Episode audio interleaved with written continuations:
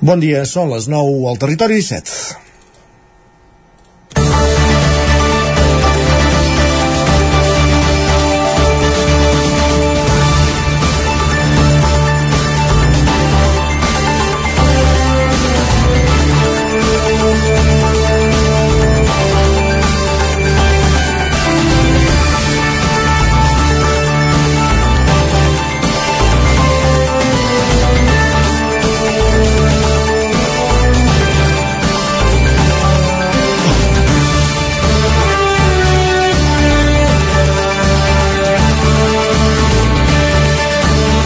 Hi ha dubte que una de les sorpreses de la nit electoral de diumenge van ser els resultats de Ripoll. Per molt que els que coneixen el dia a dia de la població, com poden ser els companys periodistes Jordi Remolins o Isaac Muntades, pocs ens imaginàvem que Silvio Riols, cap de llista de la xenòfoba Aliança Catalana, multiplicaria per 6 la seva representació i guanyaria les eleccions. També pocs imaginaven que amb el canvi de candidat i el trencament amb Joaquim Colomer, Junts baixaria dels 8 regidors que tenia a 3. I ara venen les lamentacions, però també les corredisses per constituir un ajuntament fragmentat amb tants grups polítics com regidors té Aliança Catalana. 6. Junts ja ha anunciat que el seu paper ha de ser a l'oposició. Mentrestant, la resta de forces fan càbales sobre com poden evitar que la formació xenòfoba governi a l'Ajuntament.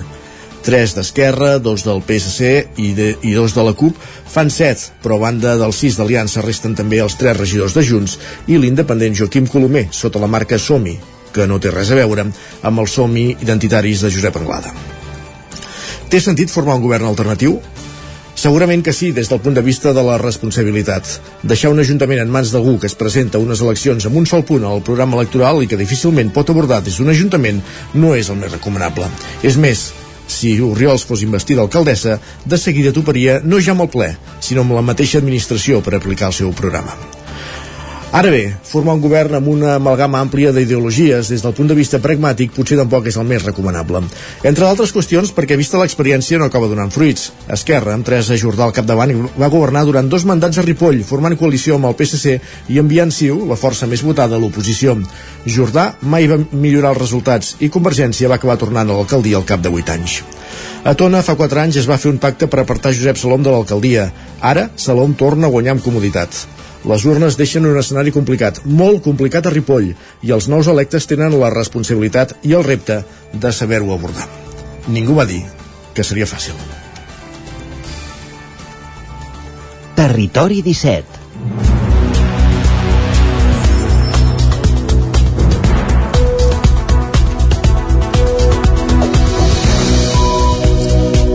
Dimecres 31 de maig de 2023, al moment de començar el Territori 17, el magazín de les comarques del Vallès Oriental, l'Osona, el Ripollès, el Moianès i el Lluçanès, que us fa companyia cada matí des d'Ona Cotinenca, la veu de Sant Joan, Ràdio Cardedeu, Ràdio Vic, el 9 FM, i també ens podeu veure, ja sabeu, a través de Twitch, YouTube, el 9 TV i la xarxa més. De quina manera us fa companyia el Territori 17 cada matí durant dues hores?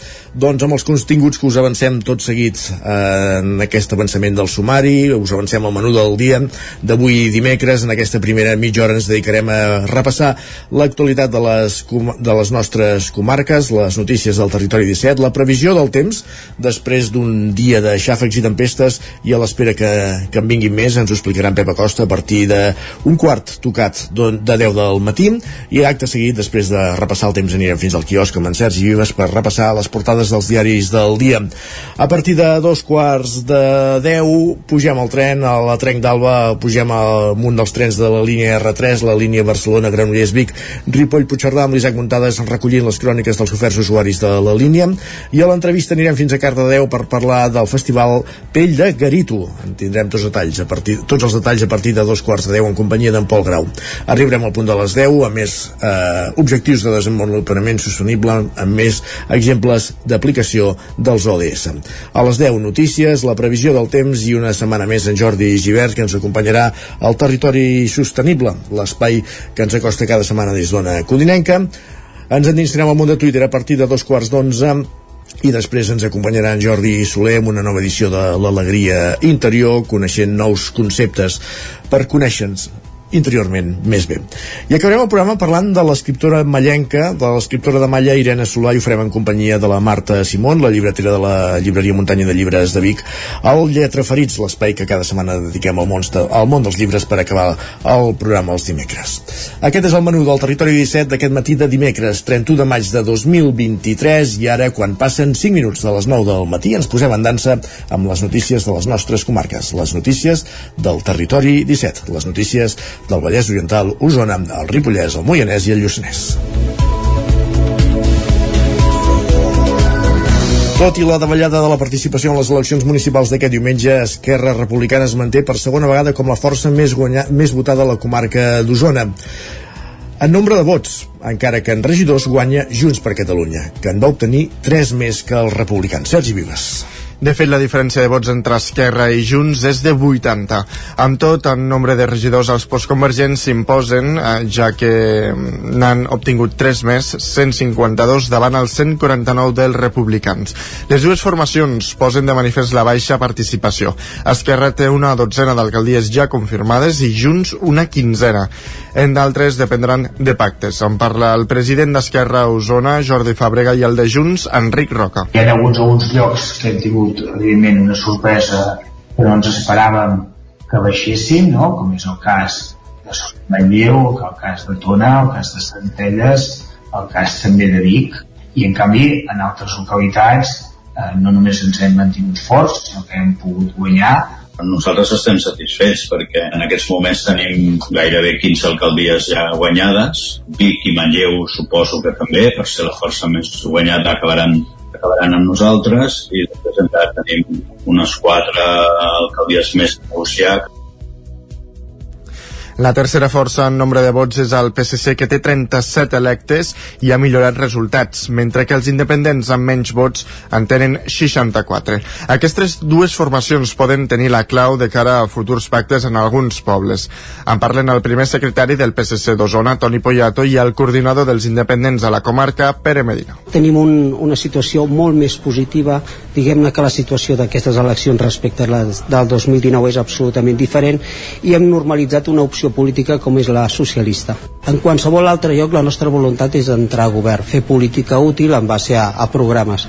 Per tant, allà on puguem incidir, intentarem incidir sempre des del govern i si no farem oposició responsable com hem fet fins ara. Valorem positivament les eleccions, ho hem mantingut els quatre consellers comarcals i tot i la, baixa, la baixada de participació vull dir que aquí hem de ser tots conscients de que eh, la ciutadania està cansada de, de quines de quines dialèctiques i hem de començar a construir una mica entre, entre tots. La CUP, que també ha baixat en nombre de vots, té 24 regidors a Osona i destaquen la seva situació al Bisaura, on tenen dues alcaldies. Jordi Casas. Bisaura és una altra cosa, allà han anat molt bé i, i han pujat, s'han consolidat els seus projectes i, i per tant doncs, en aquest sentit content amb la resta tot arreu hem baixat hem baixat de, de regidors i de vots de vots normal perquè la participació ha estat baixa i jo penso que aquí hi ha la clau de tot plegat no? Els resultats de diumenge deixen un empat a 11 consellers entre les dues formacions més votades a la comarca pel que fa a la representació al Consell Comarcal. Els independents i el PSC els seguirien amb 4 i 3 representants. La CUP manté els dos actuals i entra ara pacte local amb dos més. D'entrada, la majoria de formacions apostarien per un pacte ampli com en els darrers mandats. Més qüestions, anem al Ripollès perquè Esquerra i Junts perden força al Consell Comarcal, on hi destaca la pujada del PSC i la irrupció d'Aliança Catalana. Isaac Muntades des de la veu de Sant Joan. La composició del Consell Comarcal del Ripollès pel pròxim mandat serà molt complexa després dels resultats que s'han produït arreu de la comarca. Esquerra Republicana haurà de prendre la iniciativa de formar govern després d'obtenir sis consellers, dos menys que en el passat mandat. La segona posició ha estat per Junts per Catalunya amb cinc consellers, que també n'ha perdut un parell, mentre que el PSC puja de 2 a 3. Aliança Catalana i Roma en força l'ens supracomarcal després de la victòria a Ripoll i entra amb dos consellers. La CUP i més en tornen a obtenir un i els independents del Ripollès també aconsegueixen entrar amb un únic conseller. Al Ripollès la formació guanyadora ha estat Esquerra Republicana de Catalunya amb més de 3.200 vots, un 25,3% del suport, 53 regidors i 8 alcaldies definides, però cap dels 5 pobles grans del Ripollès. Amb tot, Esquerra ha patit la gran abstenció de la comarca i ha perdut més de 1.000 vots i 5 punts percentuals de suport. El secretari general de la Federació Comarcal d'Esquerra, Sergi Albric, va explicar explica que ja han començat les converses per trobar un govern fort. I buscar doncs, les millors aliances per intentar doncs, conformar un govern del Consell Comarcal que respecti la majoria, que respecti la primera força, en aquest cas eh, comarcal, i que, bé, eh, evidentment intentem d'evitar doncs, pactes doncs, complicats doncs, com els que es van fer fa quatre anys, no? I per tant, jo crec que tothom des de la Serenó, tots els partits, hem de, hem d'obrir aquestes converses amb la voluntat única i exclusiva doncs, a treballar eh, per la nostra comarca. La patacada ha estat pitjor a Junts, que només salvat els mobles a Ribes de Freser i Camp de Bànol. L'espai postconvergent ha passat de 51 a 38 regidors, han perdut un 10% dels vots i més de 1.700 vots a la comarca, la majoria a Ripoll. El coordinador de Junts, el ripollès, Joan Manso, explicava quina és la situació actual. Parlarem amb tothom i, escolta, s'ha de veure també, no? També va una, una situació molt lligada inevitablement a, a Ripoll, no? Vull dir, la, la situació que es pugui donar a Ripoll i, i nosaltres també tenim la, el tema de Can Davano, no? Que, vull dir que, bueno, nosaltres parlarem amb tothom, vull dir, ja he parlat amb diversos presidents o responsables de tres partits i ho valorarem una vegada avui que hem fet la valoració general. El PSC surt reforçat amb l'assoliment de tres consellers. També han pujat d'11 a 15 regidories i gairebé uns 300 vots amb un 15% de suports. Els socialistes no descarten cap opció al Consell, tal com diu el cap visible del partit a la comarca, Enric Pérez. El que hem, fet és, és valorar una mica aviam com quedava de la situació, quines aritmètiques eren possibles i això segurament aviat doncs, ja parlarem amb tots, però bueno, també tenim el tema de Ripoll aquí que, ara mateix és una mica el que almenys a mi em volta molt pel cap, saps? Vull dir, Consell nou, aquest, que de certes uh, equilibris. A priori també amb Junts l'última experiència que hem tingut no ha estat la millor del món, això també cal dir-ho, amb tot el fantango de, de T i d'aquells marxen i una mica d'aquesta situació que vam trobar de rebot de, de l'Ajuntament. Aliança Catalana entra gràcies al seu triomf a Ripoll i 1.400 vots, mentre que la CUP, que es queda amb un sol conseller, suma una regidoria més, tot i perdre una seixantena de vots i superar el miler de suports per ben poc. La presència de més amb un conseller s'explica gràcies a la victòria de Ramon Roquer a Sant Joan de les Abadeses per majoria absoluta i dels independents del Ripollès que han aconseguit un bon resultat entrant a l'Ajuntament de Ripoll i aguantant a Can Davànol amb Dolors Costa. I encara en clau posta electoral, l'Esquerra s'imposa a Caldes de Montbui, on hi perd la majoria absoluta, mentre que Vigues i Riells del FAI Esquerra la manté Roger Rams, ona codinenca. Sí, a Caldes de Montbui, Esquerra Republicana de Catalunya, amb l'actual alcalde Isidre Pineda al capdavant, va guanyar els comicis amb un 34,8% de suports i 7 regidors, que perd, això sí, la majoria que havia obtingut en els darrers 3 mandats. La recentment creada plataforma política Ara Caldes, amb Joan Duran al capdavant, va irrompre amb 4 regidors i el PSC va ser la tercera força, obtenint 3 regidors. La quarta posició va ser per Junts per Catalunya, que en va treure dos, i finalment el Partit Popular, que va entrar al consistori amb un regidor. Escoltem el cap de llista d'Esquerra Republicana, Isidre Pineda, que fa una valoració positiva dels resultats, tot i haver perdut la majoria estem satisfets perquè crec que els calderins i les calderines eh, han valorat positivament la feina en una legislatura que ha estat molt complexa, eh, probablement eh, serà recordada com la, el mandat de la pandèmia, malgrat totes les dificultats que hem tingut, doncs hem tingut una victòria clara, hem guanyat a totes les meses electorals de Caldes. Eh, el missatge és que els governs republicans de Caldes de Montbui han de continuar, eh, tot i que som molt conscients de que ha arribat l'hora d'arribar a pactes i a grans consensos, especialment pensant en, el, eh, en els grans reptes reptes que té el municipi. El panorama, en canvi, a Vigues i Riells del FAI ha estat similar al de les anteriors eleccions. Esquerra, amb Joan Galiano al capdavant, s'ha imposat per majoria absoluta, tot i perdre dos regidors respecte al 2019. El PSC es manté com a segona força amb dos regidors i l'associació veïnal Agbir, Associació de Veïns de Vigues i Riells, empata en tercera posició també amb dos escons. El cap de llista i actual alcalde de Vigues i Riells, Joan Galiano, es mostrava satisfet dels resultats i apunta que la pèrdua de suports es deu al context actual. La valoració que fem és, és molt positiva. Sabíem que era, era impossible repetir els resultats del, del, 2000, del 2019, que veníem d'un context en el qual es parlava molt d'independència i, i, uh, i de país. Veiem que també la participació estava sent més baixa i ja les previsions que fèiem era pues, intentar mantenir la majoria d'alguna manera però, però no les tenien totes i al final pues, la ciutadania de Vigues i Ries del FAI pues, a, en totes les taules i en tots els districtes i en totes les sessions ens ha donat una, una majoria absoluta. En el cas de Vigues i Riells, cal destacar-hi que la participació va ser especialment baixa, situada tot just al 50%. La Guàrdia Urbana de Vic, ja canviant de qüestió, deté quatre joves entre 19 i 21 anys d'un grup de 7 persones que divendres a la tarda havien comès un robatori a l'interior d'un domicili del carrer Sant Pere, Sergi. Se'n va poder identificar un cinquè mentre s'estava investigant les dues altres persones que completaven el grup. Després de rebre l'avís de moviments sospitosos en un habitatge, la policia va enxampar infraganti els delinqüents. Després d'una persecució a peu en diverses direccions, se'ls va poder aturar al carrer Doctor Junyent i al passeig Pep Ventura. Els agents van poder recuperar tot el botí on hi havia joies, diners en efectiu i material tecnològic. Més qüestions encara a la plana de successos confirmen que les restes humanes trobades a Ribes de Freser, al Ripollès, setmanes enrere, són les d'un veí de Granollers, desaparegut ja fa alguns mesos. Pol Grau, Ràdio Televisió, Cardedeu. Les proves d'ADN realitzades a les restes humanes que es van localitzar el dissabte 6 de maig en una zona boscosa de difícil accés al municipi de Ribes de Freser, al Ripollès, són d'un veí de Granollers de 77 anys que havia desaparegut el 7 de juny de l'any passat. Al voltant del cos ja es va trobar documentació del veí de Granollers que feia pensar que el cadàver podria ser de l'home.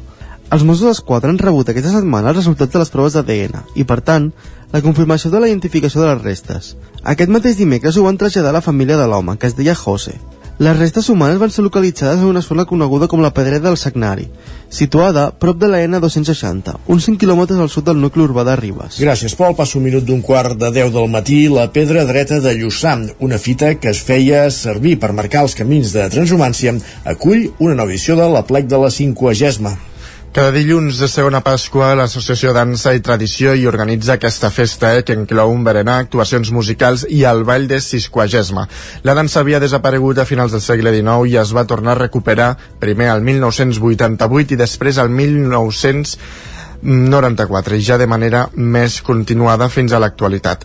La plec l'organitza el grup Dansa i Tradició de Prats del Lluçanès. En parla la membre de Corrandes són Corrandes, Anaïs Falco. Primer fem el ball de cinquagesma, després fem una part més d'escoltar-nos els uns als altres i després sobretot de tocar tots junts i fer ballar i compartir una estona entre músics de, de diferents zones del territori i que ens apleguem aquí al voltant de la pedra.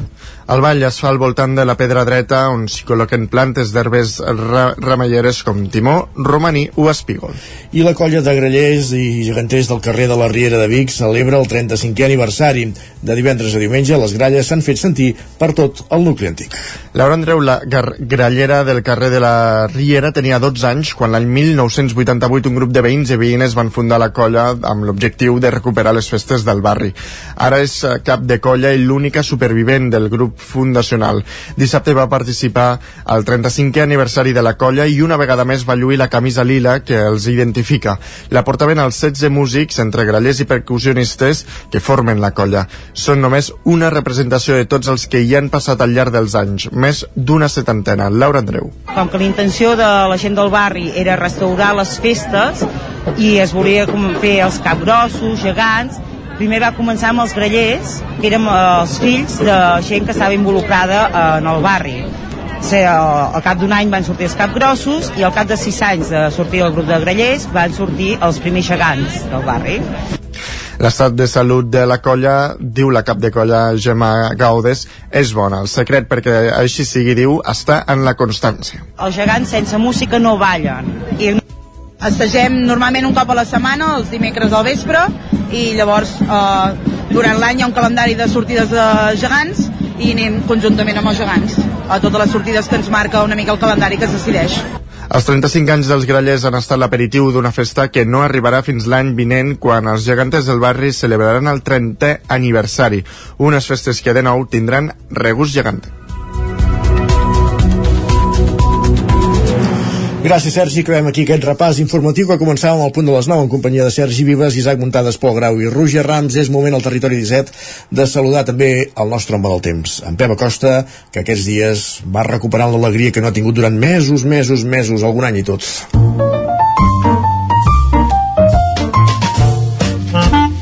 Casa Terradellos us ofereix el temps. Pep Acosta, bon dia.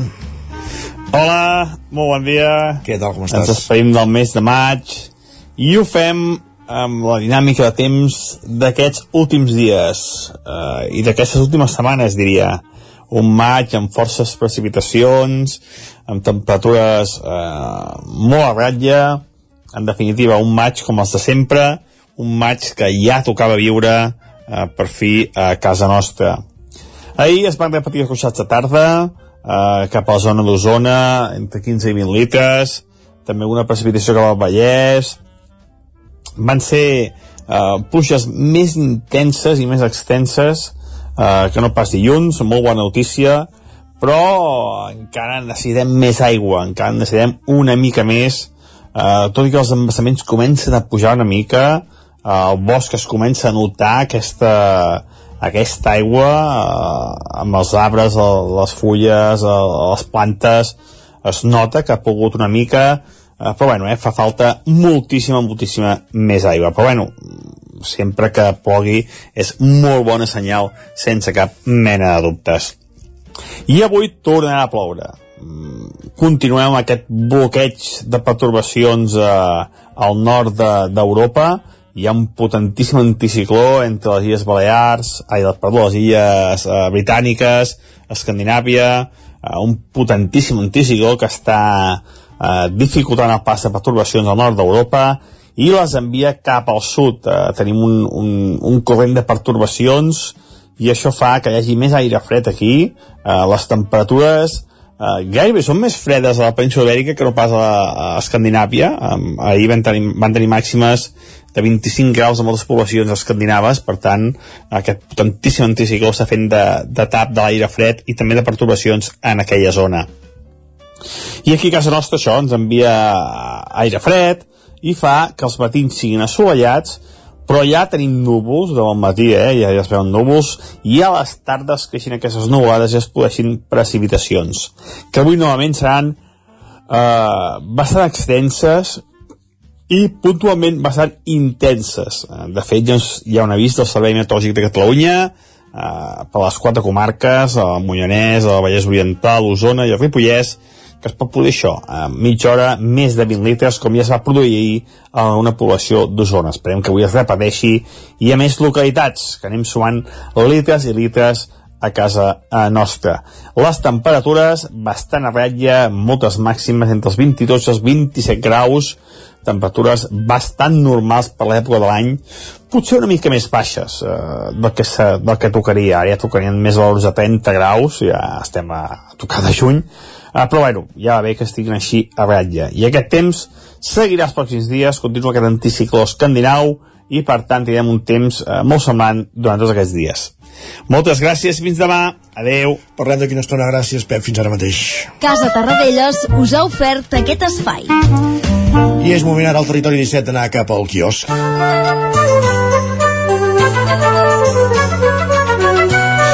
Perquè volem saber, Sergi Vives, quines són les portades dels diaris del dia, quines notícies s'encapçalen. Per on comencem? Bon dia. Bon dia de nou, doncs mira, va, comencem pel punt avui que encapça la portada amb el titular Front desesperat. Expliquen que Aragonès fa una crida a la unitat per enfortir Catalunya i, planta ca i plantar cara a l'Estat. Afegeixen que el president de la Generalitat descarta un avançament de les eleccions catalanes. Diuen que Junts vol parlar-ne i la CUP exigeix un debat profund. Per altra banda, diuen que Ada Colau descarta presentar-se a les generals. El periòdic entrevista l'alcalde de Varsovia, Rafael Tra... Traskowski, diu que hi ha un perill real que Polònia abandoni la Unió Europea. Per altra banda, diuen que Sant Pau avança en la cirurgia per curar la depressió resiste, eh, resistent i l'esquizofrènia. Expliquen que és l'únic hospital del sud d'Europa que realitza aquesta pionera intervenció quirúrgica que té una taxa d'èxit del 65% passat, passats als 5 anys. La Vanguardia diu que la Déu de Ciutadans reagrupa el vot de la dreta amb PP i Vox. Expliquen que Feijó valora com un exercici de maduresa i responsabilitat la decisió de Ciutadans de no presentar-se a les pròximes eleccions. De fet, l'Ara també obre la portada amb aquesta notícia. Diu que el partit d'Arrimades no anirà a la pròxima cita amb les urnes perquè diu no hi ha espai per a nosaltres. Afegeixen que intentaran reaparèixer a les europees i a les catalanes previ rearmament intel·lectual. Arrimada, ai, Arrimades, Carrizos està desolat que no ha entrat a l'Ajuntament de Manlleu, eh? Anava de, número 17 a la llista, eh? Ai, 21, perdó, sí, sí. Tancava la llista de Manlleu. En fi, també et dic que Arrimades, les segones parts, normalment no... Però això em sembla que ja són segones i terceres. Ja, eh? ja, Aquesta bueno, colla sí, ara mateix ja. Sí, sí. Repas, repassen premsa espanyola. El país diu que Yolanda Díaz registra Sumar com a partit i posa pressió a Podem. Expliquen que la vicepresidenta utilitzarà la marca per incorporar a independents al projecte. Afegeixen que Revilla deixarà go governar el PP a Cantàbria i el PSOE evita donar Pamplona a Bildu. Per altra banda, diuen que la inflació es modera fins al 3,2% per carburants i els aliments. Expliquen que eh, el, el que l'IPC expliquen que l'IPC de maig és el més contingut des del juliol del 2021. El Mundo diu que Feijó dona per superat a Sánchez i es prepara per governar. Diu que Espanya vol avançar sense blocs ni trinxeres. Expliquen que el líder del PP proclama que el sanchisme uh, uh, s'acabarà, vamos, d'aquí 54 dies i fa una crida a no confiar-se i a la mobilització de l'electorat. El sanchisme s'acabarà d'aquí 54 dies, el 23 de juliol. I això, de eh? fet, així va obrir el dilluns el programa L'Anna Rosa, eh? Ah, sí? Sí, sí. En fi. Vaig veure un youtuber que li anava dient Perro Sánchez. Perro. Mare de Déu, estem bon gent. Estem d'altres plegats. En fi. Um, per altra banda, sota el titular Una nit de um, una nit de caçadors de drons expliquen que Rússia llança 151 missils i avions no tripulats en 72 hores. Afegeixen que Ucraïna contraataca enviant els seus drons sobre objectius de Moscou. De fet, la Vanguardia deia també que aquesta pluja de drons mostra que Moscou també és vulnerable. Uh -huh. I acabem amb la raó que destaca el pacte que ha fet Feijó amb els seus uh, barons de partit. Diu que si guanya anirà a una investidura sense Vox. Expliquen que la cúpula atén al Consell Demoscòpic i centrarà la seva campanya amb el vot útil. Afegeix que l'objectiu de Gènova és arribar a un govern en solitari amb recolzaments externs esperaran de fet els pactes amb Vox a les comunitats autònomes a passar aquest 23 de juliol i que acabi el, el que això en diu, el que ells en diuen el sanchismo que no té res a veure amb l'escuder del Quixot que era en Sancho Panza. Va, repassem digitals ràpidament a l'edició d'Osona i el Ripollès del 99.cat doncs que la UBIC acull la subseu del Col·legi de Periodistes de la Catalunya Central. Això vol dir que s'hi podran fer actes. I a l'edició del Vallès Oriental. Doncs que el Balonmano Granollers comparteix el subcamp subcampionat europeu amb la ciutat amb una rua doncs Rua eh, per a rebre els jugadors de Balomano Granollers que disputaven aquesta feina al fora europeu el cap de setmana, eh, que es van quedar a les portes del títol, van arribar a la final i que eren rebuts ahir a, a Granollers. Gràcies, Sergi. A tu. Nosaltres el que fem ara tot seguit és una petita pausa, però tornem amb la resta de continguts previstos per aquest matí aquí al Territori 17. El nou FM, la ràdio de casa, al 92.8. Ja tenim aquí la rebella de Sant Joan. Prepara't! A Manli seleccionem el millor en pirotècnia, bateries, bengales, trons, coets, els millors preus, ofertes tots els dies de rebella i tot l'any. Visiteu el catàleg a manli.cat. Manli, al carrer Ramon Soler, telèfon 93 889 0484. Vic, Sant Joan, ja és aquí. Estàs preparat per aquest estiu? A Boi Galter som especialistes en tot allò relacionat amb la protecció solar per a qualsevol necessitat d'espai, tendals, pèrgoles, escrins interiors. Anticipa't a la calor. T'assessorem i t'oferim la màxima garantia de confort i benestar per casa teva. No ho dubtis i vine a Boi Galtés. Ens trobaràs al carrer Jaume I de Vic número 5 al 93 886 1420 a la nostra web www.boigaltes.com i també som a Instagram boigaltes.tendals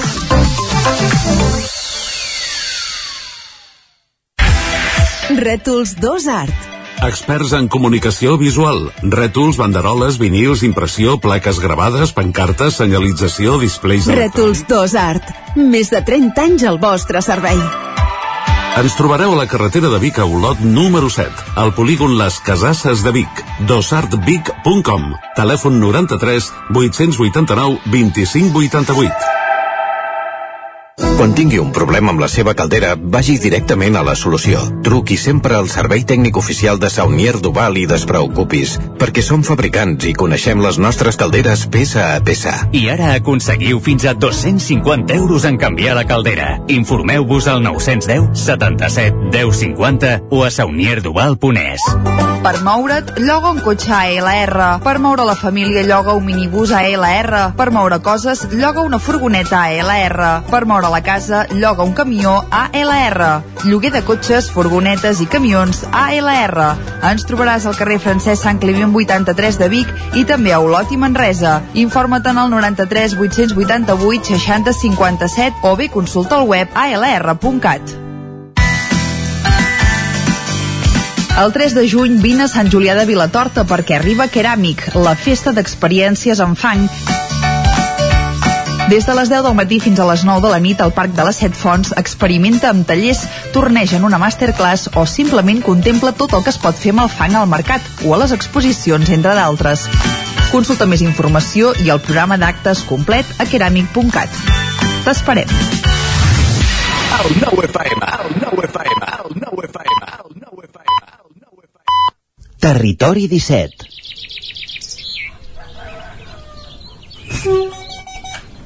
A Tren d'Alba.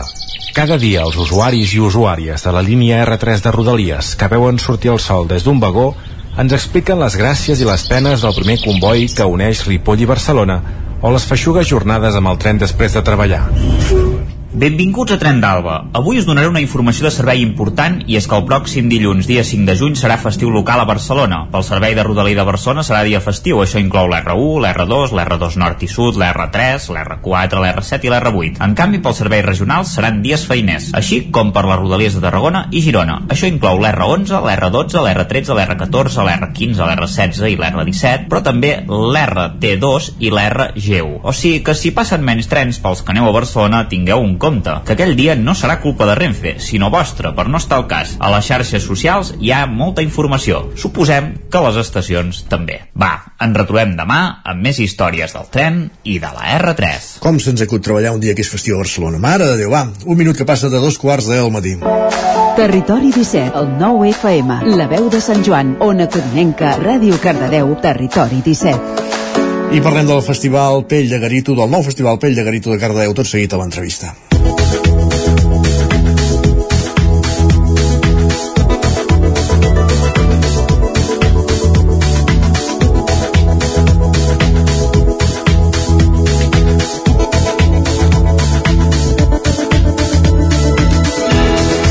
Des de 1995, el Garito ha estat un espai i una manera d'entendre la festa major de Cardedeu amb diverses eh, diversitat de localitzacions a l'aire lliure i una tapaïda programació de 4 o 5 dies sencers d'arts escèniques, de carrer, música i cultura popular i també activitat comunitària. Aquest any el Garito es reivindica i formalitza un festival d'arts escèniques amb vida pròpia, a part de la Festa Major de Cardedeu. I avui per parlar-ne, als estudis de Ràdio Televisió de Cardedeu, al costat d'en Pol Grau, per parlar d'aquest pell de Garito, tenim amb nosaltres la Dafne Malerbe, del Garito, i l'Andreu Vila, del Tarambana. Pol Grau, Ràdio Televisió Cardedeu, benvingut, bon dia. Bon dia, Isaac. Què tal, com estàs? Doncs sí, avui el, Avui al meu costat ens acompanya la Dafne i l'Andreu per parlar d'aquest festival que s'inaugura aquest cap de setmana aquí a Cardedeu amb el nom de Pell de Garito. Bon dia, com esteu? Bon dia. Per començar, d'on sorgeix aquest festival? de Com vau decidir organitzar aquest Pell de Garito? A veure, el Pell de Garito pues, um, ve de, de, la, de la essència del Garito, de la festa major, uh, on s'ha volgut sempre fer que la cultura sigui accessible per tothom i després eh, hem tingut com feia molt temps que estàvem dient això ha de sortir perquè estem fent un festival a dins d'una festa major ha de sortir una festa major per poder créixer una miqueta més i en aquest moment ha arribat la, la crisi de la pandèmia i aquí um, per força com hem volgut conservar les propostes culturals durant la pandèmia hem creat encara més aquest festival perquè s'havia de desdoblar tot.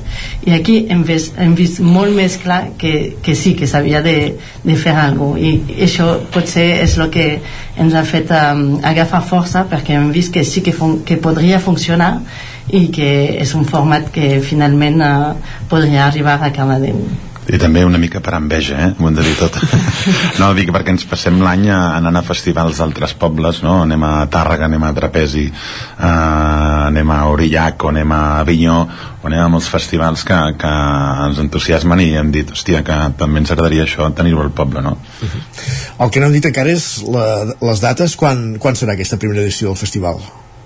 Serà el 2, 3 i 4 de juny. Per tant, aquest cap de setmana. Això, això ho tenim ja, sí. Exacte. I durant aquests 3 dies, que, quines activitats podrem fer, veure, gaudir eh, en aquest festival? Pues, uh, hi ha 8 uh, activitats propostes, um, 3 de circ, um, de, un DJ, uh, una instal·lació, uh, dos de espectacles de teatre d'objecte i un de moviment, moviment i dansa. I a més a més està acompanyat de food trucks uh, òbviament i barra per poder alimentar no solament el cervell sinó l'estómac també. I on, on es podran veure aquestes activitats, on estan organitzades per fer? S'organitzarà en, l'entorn de la Textil Racé de Cardedeu, que és una nova fàbrica de, de les arts que s'ha inaugurat el, el, el mes de gener. Fa poc. Sí, molt poc.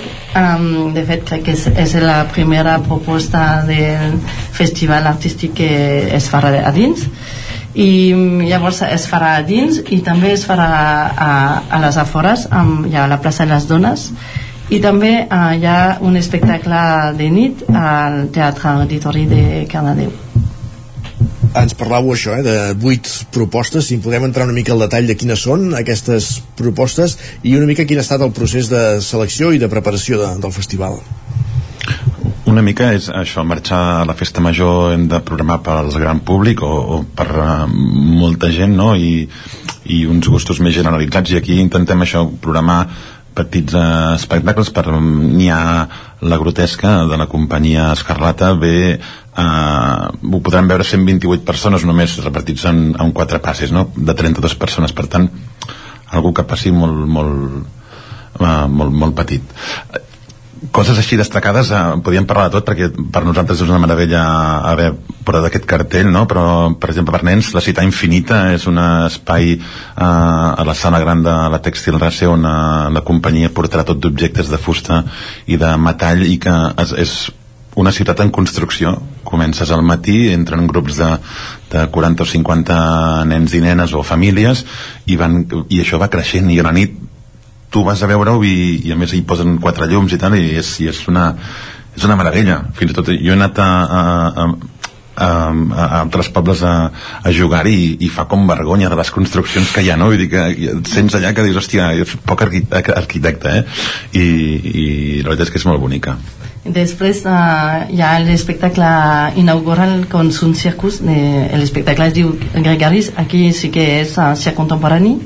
Um, tenim també uh, Conservando Memòries, és la, una companyia aragonesa de El Patio, es diu, um, i fan teatre d'objecte. Um, aquest, per exemple, també és un petit format perquè solament hi ha un aforament de 60 persones, que de fet... Eh, lamento dir-vos um, a la vegada estem uh, alegre de dir-vos que uh, aquest espectacle està sold out um, ja està complet um, després hi ha Elena Sansu con EZ um, que portarà pues, el circ uh, més per adult i per sala.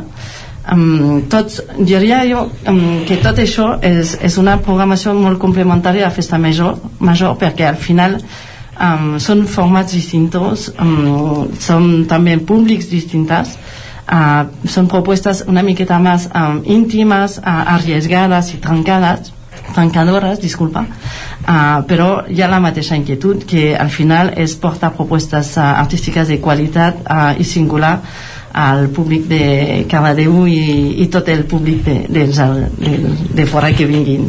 Has dit que teniu sold out d'aquesta actuació. No sé si s'han de, uh, tenen un preu, tenen un preu simbòlic o s'han de comprar entrades? Vale, hi ha tres espectacles gratuïts uh, a l'aire libre, uh, uno cada dia, uh, i després les altres, tot el que és uh, en interior, um, ja, ja s'ha de um, pagar entrades per un tema d'aforament, però els preus van de 3 euros per la instal·lació, al màxim és um, 8. 8, 8. Llavors uh, són, són més simbòlic que una altra cosa i també per la, el tema de la, la preparació també en aquesta selecció um, el que hem volgut fer um, vist que estarem a Textil Racé um, hem volgut tenir una línia artística posant propostes artístiques uh, amb una temàtica bastant comú que és um, la herència, el patrimoni els arrels i els orígens. Llavors um, això es podrà percebre uh, en aquestes propostes artístiques Uh, explicàveu això, eh, que, que aquesta és la primera edició del festival que surt de, de la inquietud de la feina que ja aneu fent per, per la festa major amb el Garito i també dèieu que és una activitat complementària de, de, de l'altra per tant eh, el Garito de la festa major continuarà en plena normalitat tot i això eh, durant l'any ve organitzat també aquest altre festival eh? Sí, sí, la festa major no seguirà igual, potser amb algun espectacle menys, perquè Cardedeu i suposo que els pobles de Catalunya els pressupostos culturals eh, minven, no?, I, i en els diners que hi ha, i, però el garito de la festa major que des de 1940, 1995 l'estem portant al carrer eh, hi haurà música hi haurà eh, espectacles de dansa de circ eh, eh, espais gastronòmics també, etc etc. i què, què suposa fer aquest festival pel Garito? O sigui, a part de la festa major, poder tenir un, un festival ara que és Pell de Garito, què suposa per això pel Garito, aquest nou festival? Suposa fer un pas endavant, um, créixer i posar-se en el mapa dels festivals de, del territori tant de cata, català que al final um, d'Espanya i esperem internacional si hi ha un futur uh, molt bo. Però... ja, ja tenim la DAF com internacional Uh, comentàveu això, eh, que entre les propostes hi ha, hi ha circ. El circ moltes vegades és aquest submón que, que queda molt diluït entre les arts escèniques, però que realment a Catalunya ja, ja no diu un submón, sinó un món, una xarxa important de, de petites companyies de, de circ que, que això, que van passant per tots aquests festivals que, que abans comentaves tu, Andreu, i que ara podran tenir una altra oportunitat més, un aparador més en aquest cas, en aquesta proposta que presenteu a Cardedeu. Sí, sí, són, són, són petits caramels, eh? Uh, uh, com deien, uh, Escarlata, que són de Sant Esteve, no? Uh, ostres, uh, de debò, animo a que aneu a veure aquest, a tots els, el, el, els espectacles, però que aquest especialment és tan, tan recollit, uh, et passen les coses aquí davant, no? I, i, i, i, és, i, és, i és molt guai i sí que, que tenim la sort que en els, en els últims anys han sortit coses de, de, de circ contemporani no? que la DAF treballa en el sector i, i això que ho explica molt millor però que, que són espectaculars i és el que això el que volem cuidar i portar Sí, tenemos también, no, disculpa, no les no he citat abans, però tenim a, a, a Mercabani, la companyia 104 de Graus, amb, amb Runa, i també és uh, una forma de ser contemporani uh, i també uh, som molt orgullosos de dir que és de sí, quilòmetre zero. I, i el fet aquest, ara aquest any us presenteu amb 8 propostes, però la idea de, de consolidar el projecte hi ha de ser segurament, i no també no sé fins i tot també d'internacionalitzar les propostes, de fer venir propostes de fora o, o us voleu quedar Aquí... amb l'escala del principi. No, no, volem, ho, ho volem tot, eh? volem el pas sencer, que deien aquells. Uh, no, no, la, la, tornem a l'economia, no? L'economia dona pel que dona, estem supercontents de que hagi, hagi imposat la primera pedra, uh, que això tingui un recorregut uh, durant molt temps i, i hem volgut fer una cosa petita perquè pugui créixer, no? I, i, i que ens ha marcat molt l'economia però la voluntat és que això vagi creixent, que puguem arribar als instituts entre setmana i que es facin propostes conjuntes no? i arribar a tots els públics. Enguany és molt reduït, però, però molt, molt, molt satisfets de, del que del que passarà i, i del que hem programat. I també um, és això, la, que, crec que hem de començar petit, ja que és el, la primera edició del festival, però ojalà realment uh, podem, podem créixer molt i, i portar propostes uh, de fora per, per poder um, nutrir-nos nutrir com a públics de, de tots aquests llenguatges que, que, que són de fora i que, que són a vegades um, distintos i, sí. i aconseguir també que, que nosaltres anem a programador, com a programadors i programadores a altres festivals, per tant que aquests puguin venir a casa nostra no? també a acollir-los i que sigui doncs, un, un festival de referència on passen coses noves on no s'hagin vist a altres llocs i que, i que la gent pugui venir aquí a fitxar companyies com nosaltres anem a fitxar companyies a altres festivals Pell de Garito, aquest nou festival que s'estrena aquest cap de setmana a Cardedeu Cardedeu, n'hem parlat amb dos dels seus impulsors, la Dafne Malerbe i l'Andreu Vila, un pell de garito doncs, que surt d'aquesta proposta de, del garito de, de la Festa Major de Cardedeu consolidada ja fa molts anys i que ara fa un pas més i que paral·lelament la promoció de la Festa Major organitza aquest festival a l'inici de l'estiu. Moltíssimes gràcies a tots dos, Dafne i Andreu, que vagi molt bé aquesta primera edició del Garito i que en vinguin moltes més. Moltes, Moltes gràcies. gràcies. Gràcies també, Pol, un matí més per acompanyar-nos aquí al Territori 17. Parlem d'aquí una estona. Fins ara. Fins ara. Avancem nosaltres al territori 17, deixem enrere l'entrevista, aquesta inter, entrevista amb aquesta proposta nova i interessant que neix a Cardedeu, la del Festival Pell de Grito, que se celebra aquest cap de setmana durant 3 dies i nosaltres el que fem ara és fixar-nos amb algun dels objectius de desenvolupament sostenible, els ODS, i ho farem posant sobre la taula alguns dels exemples de bones pràctiques que ja tenen en compte aquests objectius.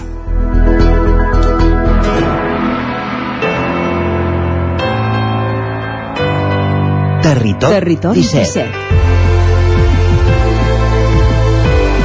Territori 17.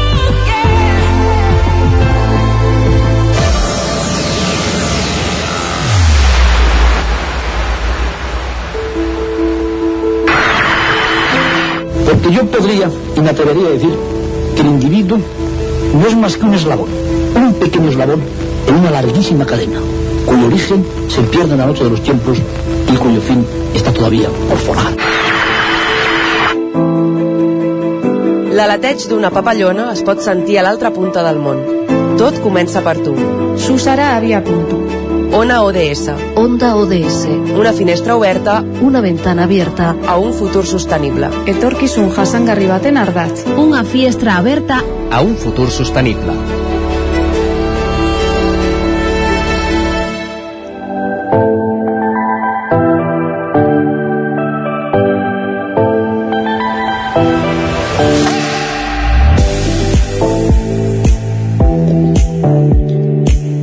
Els objectius de desenvolupament sostenible estan cada vegada més presents entre nosaltres.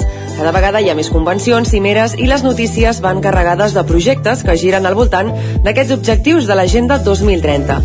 Encara que els adults sapiguem què són i que hem d'aconseguir la fita dels ODS, són els infants del futur del planeta. És per això que des de Mans Unides ja fa uns quants anys, de fet 14, que celebren un festival de clipmetratges al voltant dels objectius de desenvolupament sostenible. Hi ha una escola de Granollers, l'Escola Pia, que enguany hi participa per primera vegada en aquest festival. Núria Lázaro, professora de l'escola, benvinguda i gràcies per ser aquí amb nosaltres. Hola, moltes gràcies. Uh, Núria, explica'ns una mica en què consisteix exactament el Festival de Clipmetratges i, i per què participeu? Doncs mira, com deies, Susan, és un projecte de Mans Unides i és la 14a edició cada any es centren en una causa social, han tractat temes com la globalització, la desigualtat, el medi ambient, la igualtat, etc. I aquest any se centren sobretot en dos ODS, a FAM 0 i aigua, i amb el lema de persona també s'escriu a mà.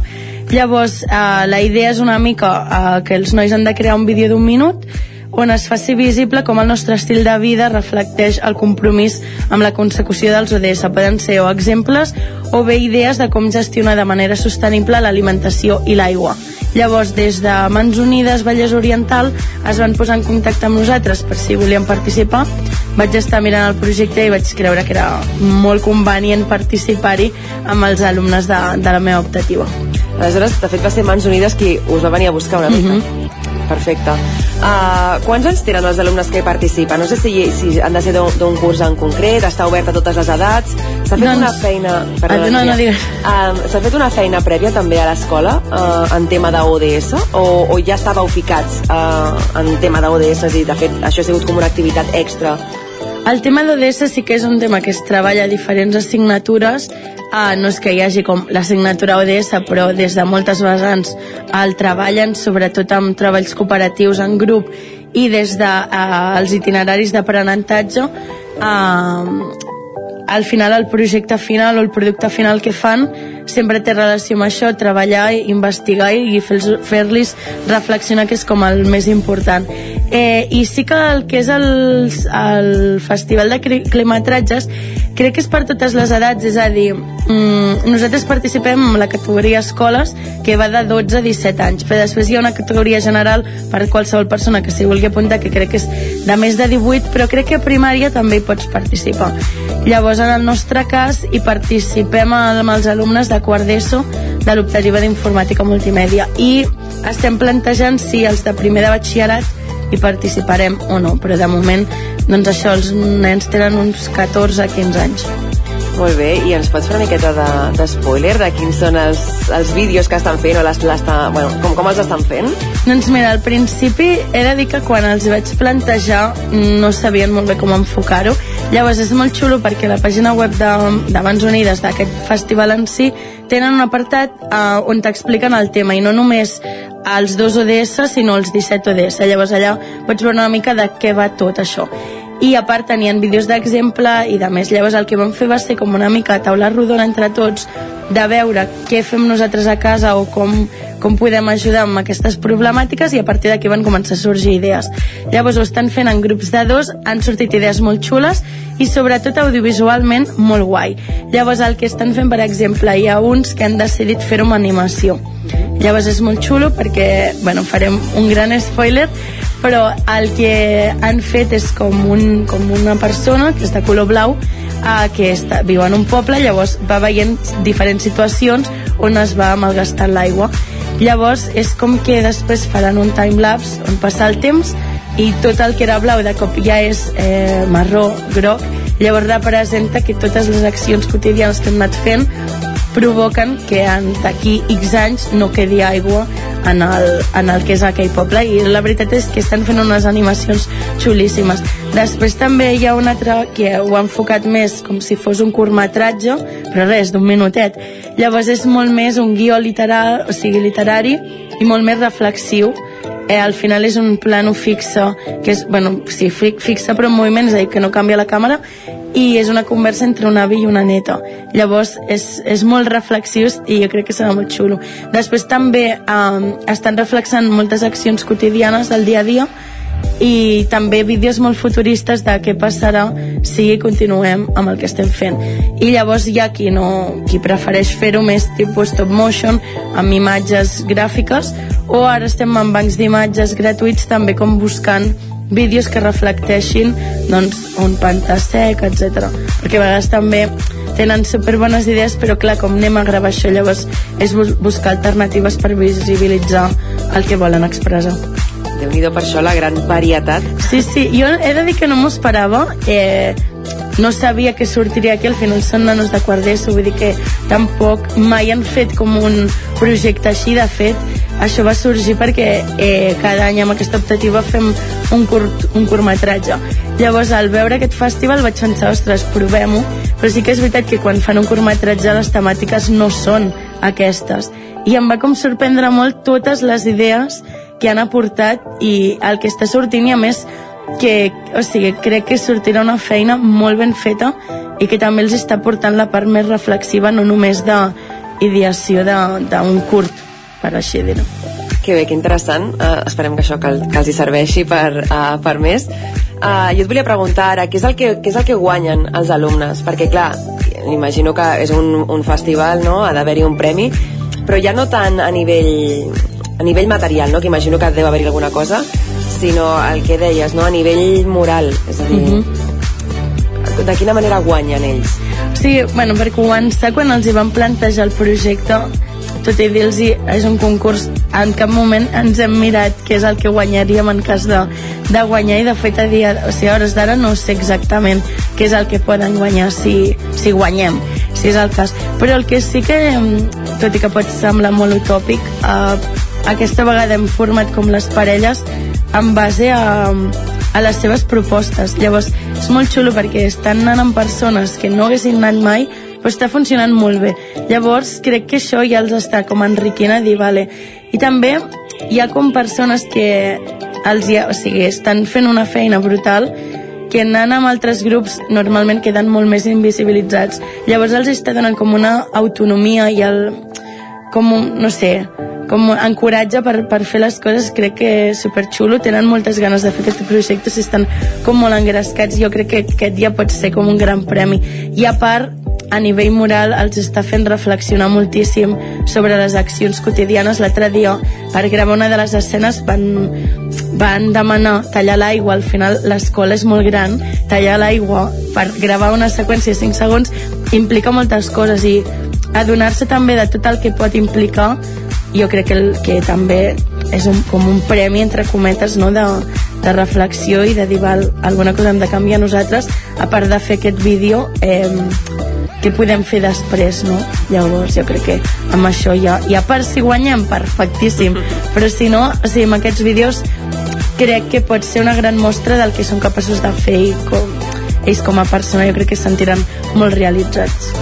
Que bé, Núria, esperem que sí que sigui així. Moltíssimes gràcies per, per ser avui amb nosaltres. A vosaltres. informatiu de l'ONA ODS. Uh, moltes gràcies i molta sort, que vagi molt bé. Moltes gràcies, ja, ja us informarem, aviam què passa. Perfecte.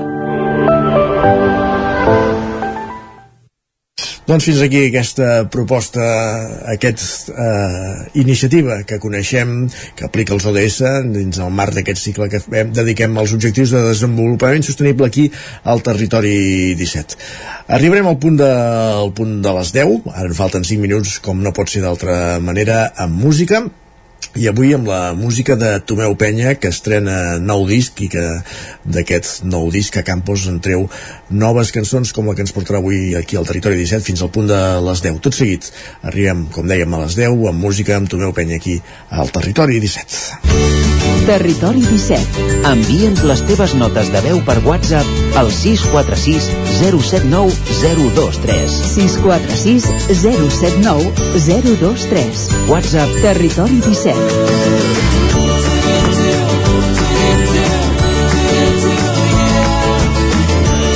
Territori 17 Som a Facebook, Twitter i Instagram amb l'usuari Territori 17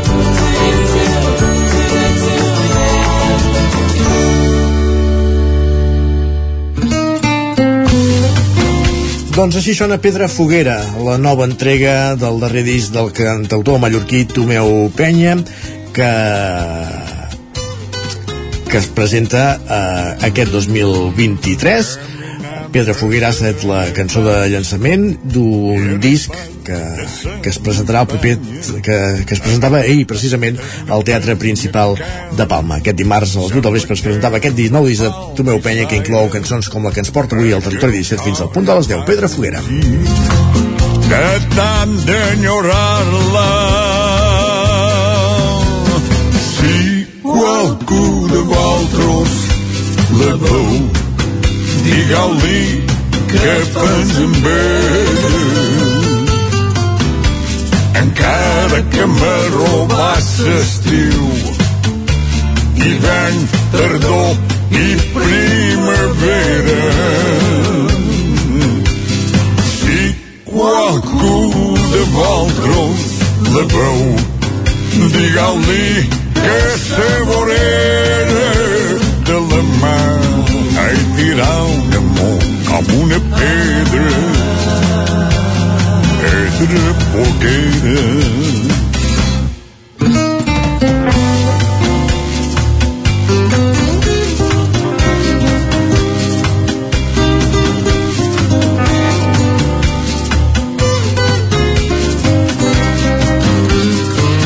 Rossegant-se cadena vaig restejant una petjada presoners on estic fermat a una història ja acabada perquè el cor ja m'ha fugit de tant d'enyorar-la.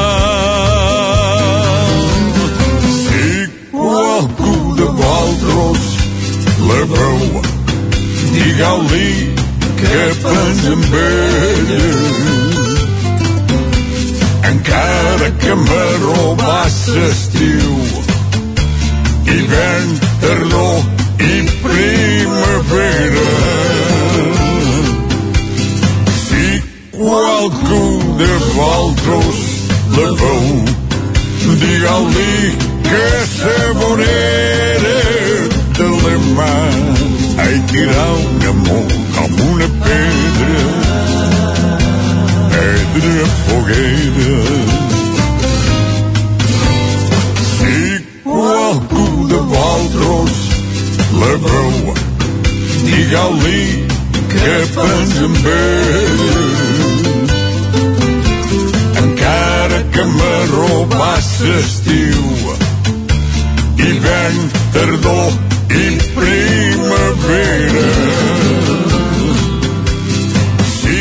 qualcú de vosaltres la veu digue-li que sa vorera de la mà ai tirar un amor amb una pedra pedra foguera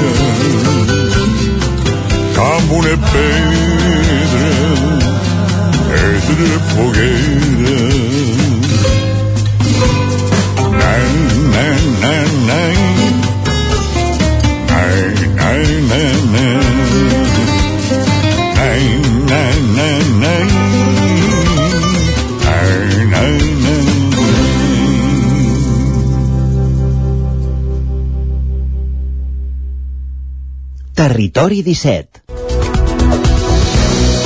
A aquesta hora al Territori 17 és moment d'actualitzar-nos, de posar-nos al dia amb les notícies més destacades de les nostres comarques, el Vallès Oriental, l'Osona, el Ripollès, el Moianès i el Lluçanès, i ho fem en connexió amb les diferents emissores que dia a dia fan possible aquest programa, la veu de Sant Joan, Ona Codinenca, Ràdio Cardedeu, Ràdio Vic, el 9 FM, i també ens podeu veure, ja ho sabeu, a través de Twitch, YouTube, el 9 TV i la xarxa a més.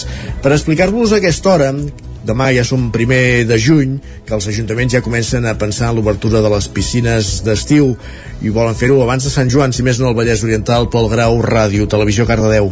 Ajuntaments com els de Cardedeu, Sant Antoni de Vilamajor, l'Atmeia, han decidit avançar l'obertura de les piscines municipals exteriors a inicis del mes de juny. L'objectiu és ajudar a combatre possibles onades de calor, que han estat habituals en els darrers anys al juny. Les obertures es fan, però, amb els horaris més reduïts o només de cap de setmana. A Cardedeu s'ha decidit l'obertura de la piscina exterior del Gim 10 a partir del 5 de juny, amb horari reduït, de dos quarts de 12 a dos quarts de dues dels matins de dilluns a diumenge i de 5 a 7 les tardes de dilluns a divendres. A partir de la vigília de Sant Joan i fins 11 de setembre s'ampliarà amb un horari continuat, de dos quarts d'onze a dos quarts de 8 del vespre de dilluns a diumenge. Sant Antoni de Vilamajor ha planificat una pretemporada de l'1 al 21 de juny, on les dues piscines municipals obriran les tardes dels dies laborables i els caps de setmana durant tot el dia. A l'Atmeia, l'Ajuntament ha decidit avançar la temporada de bany el dia 3 de juny per la situació de calor intensa que es preveu i la voluntat que aquests ajuntaments esdevinguin refugis climàtics. La piscina exterior de les franqueses també obrirà abans de Sant Joan, ho farà el dia 17. A la majoria de municipis del Vallès Oriental, les piscines es mantenen plenes en funcionament durant l'hivern, d'altres amb bona part de l'aigua. Tot i la situació d'excepcionalitat en el consum d'aigua per la sequera, la normativa actual permet que, si estan mig plenes, es puguin acabar d'omplir. Algunes instal·lacions sí que admeten afectacions a la gespa derivades de la situació d'excepcionalitat per la sequera, que no permeten que es regui. D'altres disposen de gespa artificial i no tindran afectació. Gràcies, Pol. Més qüestions. Tornem a la plana electoral. Mònica Sant Jaume, revalida l'alcaldia de Ribes de Freser, amb majoria absoluta. Mònica Sant Jaume, que era la cap de llista de Junts i actual alcaldessa de, de Ribes. Isaac Muntades, des de la veu de Sant Joan. Mònica Sant Jaume va revalidar l'alcaldia aconseguida el 2019 amb una majoria absoluta molt ajustada de 5 dels 9 regidors per només dos vots de diferència. Amb tot, Junts per Ribes va ser la força més votada amb 439 suports i un percentatge de vot del 49,2%, que va ser més elevat que fa 4 anys per la baixa participació en el municipi, que va ser de gairebé 11 punts menys. Per la seva banda, el cap de l'oposició serà Àlex Medrano de la CUP, que va millorar lleugerament els resultats del 2019 i ara tindran 3 regidors al consistori després d'obtenir 266 vots i gairebé el 30% dels suports. La força més damnificada va ser Tots Fem Ribes Esquerra Republicana, que va perdre gairebé un centenar de vots i es va quedar amb 174 suports i un únic regidor amb el 19,5% dels vots. La futura alcaldessa va valorar positivament l'augment en el percentatge de vot i tampoc descarta que hi pugui haver més mans constructives a l'hora de treballar per Ribes. De fet, és una possibilitat que ja van posar sobre la taula el passat mandat amb la CUP. Fa quatre anys se'ls hi va oferir poder entrar a govern. En aquell moment doncs, van declinar l'oferta i per tant doncs, nosaltres vam seguir, vam seguir treballant amb la nostra línia. A partir d'aquí bueno, creat, es va crear la Comissió de Medi Ambient, sí, el Carles, el Carles la va saber liderar molt bé, el Carles és una persona de molta entesa i per tant, eh, bueno, i de, i de conciliacions, no? I llavors, bueno, vam, amb el Carles amb el Carles s'ha treballat molt i molt bé i per tant doncs ell ha, ha estat capaç de, de poder liderar aquesta, aquesta forma de treballar veurem com avança, ja et dic, és molt, és molt prematur, el que sí que nosaltres volem treballar per tothom. Àlex Medrano estava content d'haver augmentat en vots i en regidories i ara espera que la CUP tingui més pes i pugui agafar el timó de les polítiques que volien impulsar, ja que abans s'havien de consensuar més amb Tots Fem Ribes. Per ara tenen clar que estaran a l'oposició. Com a mínim, no sé si més forta, que segurament, perquè en tres regidores ja no és el mateix que amb dos, però fer-ho a la nostra manera. Vull, em refereixo, nosaltres ara tenim clar doncs, que ens hem consolidat, però ens dona una, una dada molt important a, de cares al futur, perquè sabem que la gent creu en el nostre missatge. Junts va, a, va perdent força, encara que mica en mica, per tant, eh, som l'única alternativa. L'escenari que se'ns obre ara és, evidentment, fer oposició a la nostra manera. Sobretot el que volem és seguir treballant obertament perquè la gent vegi la feina que anem fent, cada vegada doncs, la gent entengui més el projecte que nosaltres volem fer i que d'aquí quatre anys doncs, podem entrar per la via ampla al govern. La diagnosi del líder d'Esquerra Republicana, Joaquim Roquer, de la seva catomba electoral, és la següent. Creiem que bueno, el populisme guanya no? a tota la comarca, bueno, no tota, però el que ha passat a Ripoll, el que ha passat a Ribes. Creiem que bueno, hi ha hagut també un, segurament un vot de càstig a Esquerra, no? en general, a tota Catalunya. Llavors suposo que això ens ha influït no? una mica. I també la baixa participació. Vull dir, hi ha hagut molt baixa participació. A Ribes hem baixat del, del 73% al 60%. I això, i això afecta, clar, afecta, ens ha afectat més a nosaltres. Tots fem Ribes ara apostarà perquè sigui la CUP qui faci una oposició més fiscalitzadora i intentarà continuar influint en les propostes i projectes del consistori. Gràcies, Isaac. I el Moianès, els resultats electorals no deixen majoria absoluta a Castellterçol i l'alcaldia s'haurà de decidir, podria decidir-se en un pacte. Roger Rams, Ona Codinenca. Sí, connectem Castellterçol, vinculat a Junts, la formació encapçalada per Aleix Roca, és la força més votada, amb cinc regidors a Castellterçol. Castella en positiu amb Toni Massot al capdavant suma quatre regidors i Esquerra amb Noemi Sió de cap de llista n'ha aconseguit dos. El guanyador de les eleccions, Aleix Roca, explicava que estan oberts a negociar amb tothom per tal de crear un pacte a un govern estable al poble. Ja hem de cantar doncs, que podríem pactar amb qualsevol formació excepte amb el PSC per tot el tema del, del 155, amb el qual per nosaltres era, era una línia vermella. El PSC en aquestes eleccions no, no ha sortit a, com a, no ha tingut representació amb, amb el tema de regidors i bé, a partir d'aquí ens toca parlar, parlar amb, tant amb Esquerra com amb Castella en positiu. Per la seva banda, Toni Massot, de Castella en Positiu, la formació que ha governat el poble els darrers vuit anys, valora els resultats i admet que no esperava un retrocés en vots tan elevat. També explica que des de la formació independent han de fer balanç per afrontar aquestes negociacions. Bé, tot i saber que era impossible treure els vuit regidors que havien tret a la passada legislatura, per l'alcaldia per tenir bons respostes i tot, eh, la veritat que ens esperàvem doncs, com a mínim arribar, arribar aquí. Bueno, la idea és començar a parlar aquest, aquests dies, de fet nosaltres tenim reunió dimecres i a partir d'aquí doncs analitzarem una miqueta tot plegat i les accions a, a prendre una miqueta. En canvi, Esquerra celebraven els dos regidors aconseguits com una victòria. La cap de llista, Noemi Sió, explica que tenen una condició base per negociar un pacte amb les altres dues formacions, crear una regidoria de feminismes. El que és el tema feminisme, cap dels els altres dos partits el toquen, i nosaltres era un tema molt important i era el que ens diferenciava dels altres partits.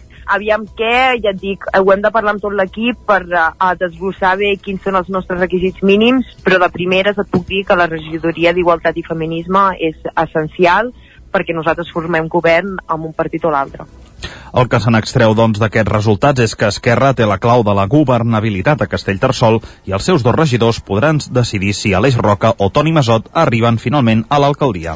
Doncs és una de les incògnites que resoldran les properes setmanes. Mentrestant, nosaltres avancem aquí al territori 17. Gràcies, Roger. Eh, parlant ara de la 28a edició de la Universitat d'Estiu de la Universitat de Vic. Un homenatge a Mercè Generó, gerent d'Osonament, obrirà dijous oficialment aquesta 28a edició de la Universitat d'Estiu, Sergi. L'acte tindrà lloc a la sala de la columna de l'Ajuntament i reconeixerà la persona i la institució, segons va dir el rector Josep Aladi Banyos en la presentació del programa d'enguany. Banyos apunta que se li premia la capacitat de lideratge col·laboratiu i haver consolidat un model d'atenció a les persones amb problemes de salut mental o addiccions. Més enllà d'aquest acte, la Universitat d'Estiu desplega una oferta d'11 programes de formació en diversos àmbits en què la presencialitat torna a ser important. Salut i benestar, educació i, so i societat, comunicació i empresa i ciències i tecnologia són els àmbits dels cursos, entre els quals hi ha la tretzena edició de l'Escola de Literatura Infantil i Juvenil que es fa al Monestir de Montserrat, que ha renovat l'equip impulsor i que homenatjarà el centenari de l'escriptor Josep Vallverdú. En paral·lel es despleguen exposicions concerts i projeccions dins de la plataforma cultural. Centenars de persones es deixen sorprendre per aquest cap de setmana per les propostes del Festus de Torelló, el Festival d'Arts al Carrer, que anualment es fa, com dèiem, a Torelló, ha tancat una nova edició, la 26a, amb un balanç positiu, tant d'assistència de públic com d'interès per les propostes que s'hi presentaven, Sergi. En un escenari improvisat a l'aparcament de l'arxiu de Torelló, Guillem Albà presentava divendres l'espectacle Mas Solitud. Era la gran aposta de l'edició i no va decepcionar. En el paper de director i intèrpret, amb aquest espectacle Albà torna a les seves arrels, un format minimalista i amb titelles on tot el que li cal surt d'una maleta vella. Sentim-lo. Mas Solitud és un espectacle que tenia ganes de fer sense paraules, um, fent servir els titelles, que és un, una tècnica que a poc a poc havien fet servir però volia com més, no? com posar-m'hi molt més a veure què passa si manipulo titelles i tot de reptes que, que m'havia posat no? com tenir la gent molt a propet però una, una energia molt més tranquil·let perquè he fet coses molts com sis músics amb, tal, com molt, amb molta energia i venia a gust com fer més petit a veure què passava i una duració diferent de 25 minuts per provar això, que no sempre hagi durat de sempre, no? Pues com un capítol de Netflix, 25 minuts.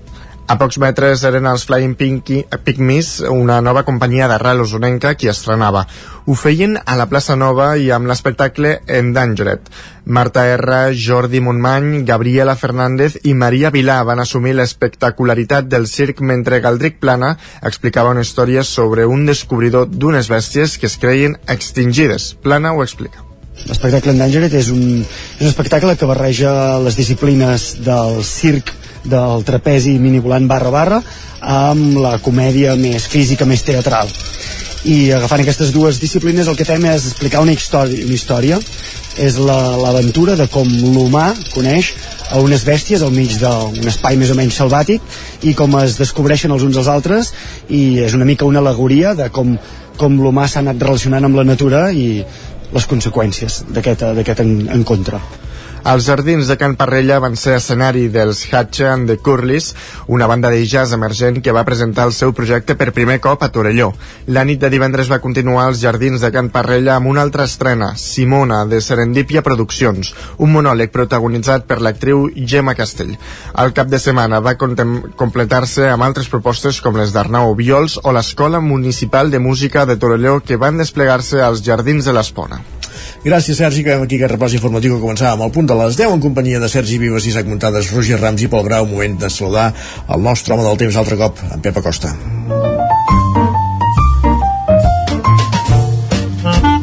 Casa Terradellos us ofereix el temps. Pep, plourà avui?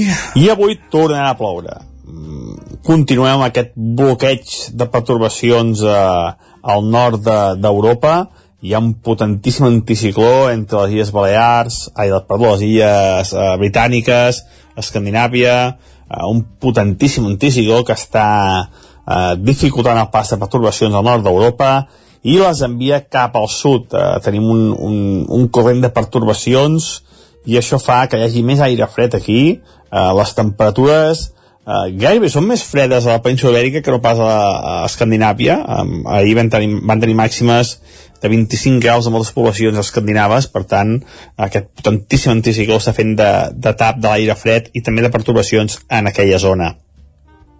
I aquí a casa nostra això ens envia aire fred i fa que els matins siguin assolellats, però ja tenim núvols de bon matí, eh? ja, ja es veuen núvols, i a les tardes creixen aquestes nuvolades i es podeixin precipitacions, que avui novament seran eh, bastant extenses i puntualment bastant intenses. Eh, de fet, ja hi ha un avís del Servei Meteorològic de Catalunya eh, per les quatre comarques, el Moianès, el Vallès Oriental, l'Osona i el Ripollès, que es pot poder això, a mitja hora més de 20 litres, com ja es va produir ahir a una població d'Osona. Esperem que avui es repeteixi i a més localitats, que anem sumant litres i litres a casa eh, nostra. Les temperatures bastant a ratlla, moltes màximes entre els 22 i els 27 graus, temperatures bastant normals per l'època de l'any, potser una mica més baixes eh, del, que se, del que tocaria. Ara ja tocarien més valors de 30 graus, ja estem a, a tocar de juny, eh, però bueno, ja va bé que estiguin així a ratlla. I aquest temps seguirà els pròxims dies, continua aquest anticicló escandinau, i per tant tindrem un temps eh, molt semblant durant tots aquests dies. Moltes gràcies, fins demà. Adeu. Casa Tarradellas us ha ofert aquest espai. Doncs coneguda la previsió del temps anem cap al territori sostenible. Perquè avui amb en Jordi Givert s'endinsa cap a la història d'un vell conegut del territori 17, la pastisseria Àger de Mollà i sense més. Jordi, ben tornat al territori 17, bon dia. programa volíem dedicar-lo a un element, a un producte uh, diferent que no solem tractar, però com que ens queda a prop de casa, volíem parlar de xocolata, perquè a Mollà a la Miquel Vinyoles és eh, pastisser de la pastisseria Àger eh, que la trobem al centre de Mollà i ha estat guardonat amb un premi internacional i per això ho hem aprofitat d'excusa per conèixer eh, la seva feina eh, que fa la capital del Moianès. Eh, ja el tenim amb nosaltres. Hola Miquel, bon dia. Hola, bon dia. Miquel, uh, per conèixer una mica la vostra història, després parlem d'aquest premi que, que heu rebut, però explica'ns uh, com surt el vostre projecte, com neix uh, aquesta pastisseria Àger. A La pastisseria la vaig obrir ara deu fer 15 anys, el 2008. Uh -huh. I, bueno, la idea... Jo venia de pastisseries molt importants, però molt, molt grans. La idea és que jo volia fer una producció molt petita, en tipus poble, però que la qualitat fos molt bona, o sigui, anàvem a buscar l'excel·lència. Nosaltres creiem que des d'una pastisseria petita es podia oferir un producte excepcional, i aquest ha estat l'objectiu durant aquests anys. Uh -huh. uh, ets de Mollà, per això tries el poble, o, o com acabes a Mollà si no, No, d'aquí? jo no sóc de Mollà. Uh -huh. Els meus pares venen d'Àger, aquí el nom de la pastisseria, Uh -huh. però no, ells no tenen res a veure amb el món de la pastisseria. Jo volia muntar la pastisseria a Barcelona, fa molts anys, però els preus eren desorbitats, era insostenible, o sigui, no, no es podia comprar un local, i en aquell moment hi havia un veto a obrir obradors artesans a Barcelona. Curi- Només donaven... curiós. Sí, és curiós, per això ja dolem pa a Barcelona, no? Tothom ho diu. Perquè a Barcelona només estava permès punts de venda, no Mhm. estava permès que hi haguessin obradors. I com que la meva dona estiuejava a Mollà, i havia anat de petita aquí tota la vida, doncs mira, vam acabar aquí. O sigui, per, per amor, per la parella, acaba, acabeu triant Mollà. Exacte. Molt bé. Uh, a partir d'aquí ens uh, sou una pastisseria, us, uh, avui volíem parlar de xocolata, però vosaltres teniu altres productes. Uh, entenc, uh, per la gent que no, que no us coneix, què, què trobem al vostre establiment? Nosaltres anem molt enfocats a tot el que és xocolata, que és el, que ens, el que ens ha acabat fent més famosos amb els anys, però també acabem fent, per exemple, a l'estiu produïm gelats, fem tot el que fan les pastisseries per festivitats, des de coques de Sant Joan, tortells de Reis, torrons, panetones, tot el que et puguis imaginar. I d'aquí el vostre element estrella és la, és la xocolata, els productes fets amb xocolata. Sí, perquè el que ens distingeix de les pastisseries és que nosaltres fabriquem la xocolata des del gra de cacau. Uh O sigui, el que se'n diu vintubar, des del gra de cacau fins a la tauleta. Doncs, Que això no és gens freqüent.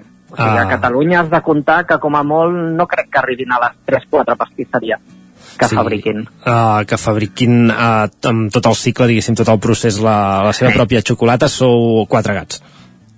Són 4, jo crec que amb una mà els podríem comptar. Uh, és interessant uh, per què trieu fer aquesta, aquest model perquè clar, uh, uh, és molt més complicat entenc Sí, a nivell productiu és com tindre dues empreses. Per un cantó tindries el que seria una pastisseria i per l'altre el que seria com una fàbrica de xocolata artesana. Per què? Perquè ens trobem que les xocolates industrials, per molt bones que siguin, són molt estàndard de gust. O sigui, acaben perdent totes les aromes característiques de cada cacau i estan molt carregades de greix i molt, molt dolces, per dir-ho fàcilment.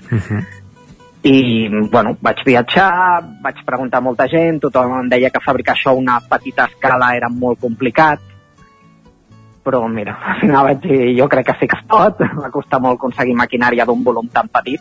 Eh, pensa que la nostra màquina, la màquina més gran que tenim és de 50 quilos, però quan una empresa d'industrial gran fa una prova, una prova, eh? això vol dir la que després potser de les escombraries fa la prova amb 300 quilos. Mm, Déu-n'hi-do, clar, o sigui... La prova, no la definitiva. Gairebé la nostra màquina- Més gran és, I la nostra més gran és de 50. Gairebé que la vostra maquinària us la fan expressament per vosaltres. Alguna sí que s'ha hagut de fer expressament, perquè no hi havia models tan petitons. Uh -huh. Sí, sí.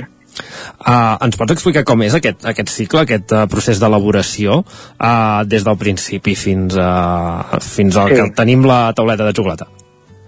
pues mira, al principi de tot, tot comença a, a la subhasta de cacau. Un cop l'any hi ha una subhasta a Amsterdam on els productors de tota o de la major part del món porten les mostres. Vale? Llavors tu proves el seu cacau, mires si t'interessa i compres els lots. A partir d'aquí tu agafes els sacs de cacau, el, has de fer una tria, separar totes les faves que estan bé de les que no estan bé. Quan ja compres un nivell de qualitat molt alt, la merma està a l'1-2%.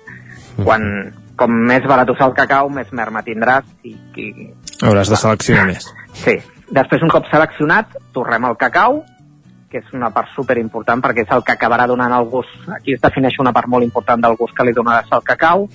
S'ha de moldre. En el nostre cas, nosaltres molem amb pedres de granit durant dos dies, tres dies, depenent. O sigui, el, el, el gra que, que has torrat s'ha estat dos o tres dies uh, Molent. molent a, a rodes de molí, entenc, o... Sí. T'has d'imaginar, sí, una base de pedra de granit i dos pedres rodones, de, dos rodes de granit de 50 quilos cada una, que van girant, pum, pum, pum, fins que això acaba amb molt, però totalment molt. Pols, eh, que acaba sent pols, no? Sí, Sí, no, acaba fent pasta. Pasta. Ja es converteix, sí. El propi greix del cacau és el que acaba fent... El, nosaltres en diem licor de cacau, tot i que no té res a veure amb l'alcohol. Ja queda Val. el que a tu et semblaria xocolata líquida. Ah, Visualment d'acord. et semblaria xocolata líquida. Després s'hi afegeix el sucre, s'acaba de moldre, i després es madura en blocs, i després es fon i es remotlla amb tauletes. Més o menys aquest seria el procés. Uh, després, uh, i amb el motlle ja tens la, la tauleta de xocolata, entenc. Exacte. Mo, sí, molt interessant. M'han sortit un seguit de dubtes. Començo pel principi. Uh, la subhasta de, dels grans de, de cacau es fa un cop l'any a Amsterdam. Es funciona així? Com, com, com és que funciona d'aquesta manera? I, i clar, allà, entenc que allà et trobes productors grans i, i alguns productors com tu. No, generalment a la subhasta hi anem els productors petitons, Ah, els artesans d'Europa. Els grans acostumen... O sigui, has de pensar que el cacau de tot el món, el 85% del cacau el fan dos països només, que són Ghana i Costa d'Ivori. Les grans indústries tenen les seves plantacions allà. Nosaltres el cacau que hi ha allà és d'una qualitat molt baixa, no ens interessa. Els que Mhm. van a la subhasta acostumen a ser els que tenen produccions més petites i més bones. Però quan ja coneixes un productor i ja hi has treballat dos, dos o tres anys, ja li compres directament amb ell, perquè Mhm. si saps que aquest home treballa bé i que treu un producte molt bo, ja et truques directament amb ell i demanes amb ell. Allà és quan vols trobar cacaus nous a la subhasta. Val. Que la gent Mhm. va com a presentar el seu producte, per Vale. dir-ho d'alguna manera. Ara tu ja tens un, uns cacaus uh, de referència, uns productors de referència, no? I, i a Amsterdam vas a buscar nous productes, diguéssim. Exacte. O sigui, Mhm. ara, per exemple, aquest any havíem agafat dos que no havíem gastat mai, Mhm. que un era el d'Uganda i l'altre és un que encara no encara estem en proves, que és de la illa de Grenada. Mm. Molt, molt interessant. Uh, a més, uh, uh, és, és aquesta sinergia que són petits productors i, i petits artesans xocolaters que, que us ajunteu. O sigui, clar, t- t- tots teniu més o menys la mateixa fi- filosofia, entenc. Sí, clar, és, Mhm. és, o sigui, el, el que busques, el procés artesà, el que busquem és que hi hagi una qualitat, que hi hagi una traçabilitat, que tingui, que sigui ètic, que sigui sostenible, que no tinguem cap dubte d'on ha vingut aquest cacau, que coneguem a l'agricultor. Això hi ha països que és complicat. O sigui, els dos que hem parlat abans, Ghana i Costa d'Ivori, són països que Mhm. no és esclavisme, però podríem dir que és un esclavisme modern gairebé. En altres llocs no. O sigui, hi ha professionals... Has de, la gent ha de, exceptuant aquests dos països, la gent ha de perdre la imatge de que això és un, un pobre agricultor. No, no, escolta, la gent que porta una plantació té uns estudis O sigui, són enginyers agrònoms i aquesta gent treu un cacau estupendo. Com per exemple aquí productors de, de vi, diguéssim, que, que són uh, petits cellers, que, que són especialistes i, i elaboren uh, el seu vi, que és un producte de qualitat. Sí. La gent que treu aquestes plantacions de cacau, o sigui, han fet els seus estudis genètics per veure quina, quina varietat de cacau els hi agrada més bé. Sí, són professionals. Els agricultors aquests no treuen un cacau bo per atzar. Uh -huh.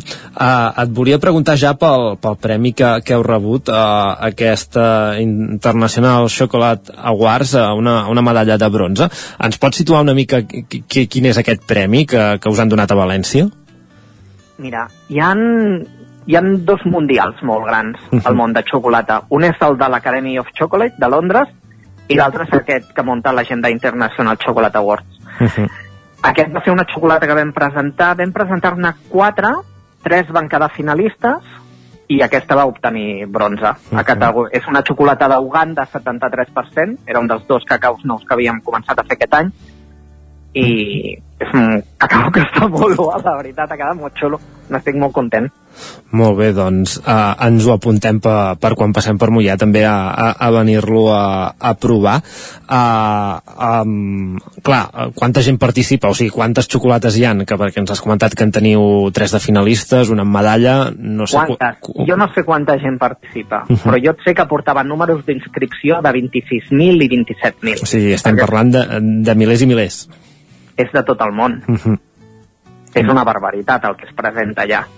Sí, sí, és, és una barbaritat. doncs eh, encara dona més valor a, a rebre aquestes medalles, que no és pas la primera que, que rebeu aquí a la xocolateria Àger. Eh, tinc entès que en els últims 3 anys n'he- n'heu rebut vàries. D'aquest concurs és la primera que guanyem, i de l'altre mundial en tenim set. Aquest del de, de Londres. del de Londres. Sí, del de Londres en tenim set, que també és, bueno, està molt bé per, per la mida, que nosaltres és un negoci molt petitó, que no enviem, que no tenim pàgina web, està superbé. O sigui, si tu mires el llistat de guanyadors, l'únic que no té link de pàgina web és el nostre. Ara, ara et, volia, et volia preguntar per, per això de... No teniu pàgina de web? Per què no, no, no feu venda online que ara ho fa molta, molta gent? perquè la nostra producció és relativament petita. Tu una màquina de 50 quilos et pot semblar molt gran, però és molt petit. I, I sempre ha estat així i, i vam dir, no, nosaltres volem fer-ho cada cop millor, millor, però no però la intenció no és créixer, o sigui, ja ens va bé així, és petitó, anem fent i portem una vida normal i està la mar de bé. El que volem és que cada cop el nostre producte sigui més més bo. Uh -huh. uh, et anava a preguntar, doncs, uh, la majoria de la vostra xocolata uh, la compra gent de, de Mollà, del Moianès, a la comarca, o, o va per altres llocs? El 80% va per aquí. Uh -huh. Sí que ens truca molta gent de fora, però els hi acabem dient que no, que no s'envia, i de cop i volta sí que se't presenta un home de Malàcia o un home del Japó, que penses, però com has vingut fins aquí Mollà per comprar una rajola de xocolata? Sigui, turisme xocolater. Sí, de tant en tant passa. O gent que ens coneix i envia algú que viu per aquí a prop, i sí, sí, de vegades passa. Uh -huh. ah, entenc que no sé si col·laboreu amb restaurants o, o no, o aquesta No. part no la toqueu. no ens dediquem a restaurants. O sigui, el que fa una pastisseria amb volum, per guanyar volum, tot això no, no, no fem ni, ni bodes, ni banquets, ni restaurants. Tot això és una cosa que no, que No no, ens toqueu. interessa. O sigui, volem fer el que ens agrada fer. Doncs, Miquel, moltes eh, gràcies per aquesta, aquesta explicació de, de la vostra feina, de, de com funciona també el, el món dels concursos i per eh, obrir-nos les portes. El nou FM, la ràdio de casa, al 92.8. El 3 de juny vine a Sant Julià de Vilatorta perquè arriba Keràmic, la festa d'experiències en fang.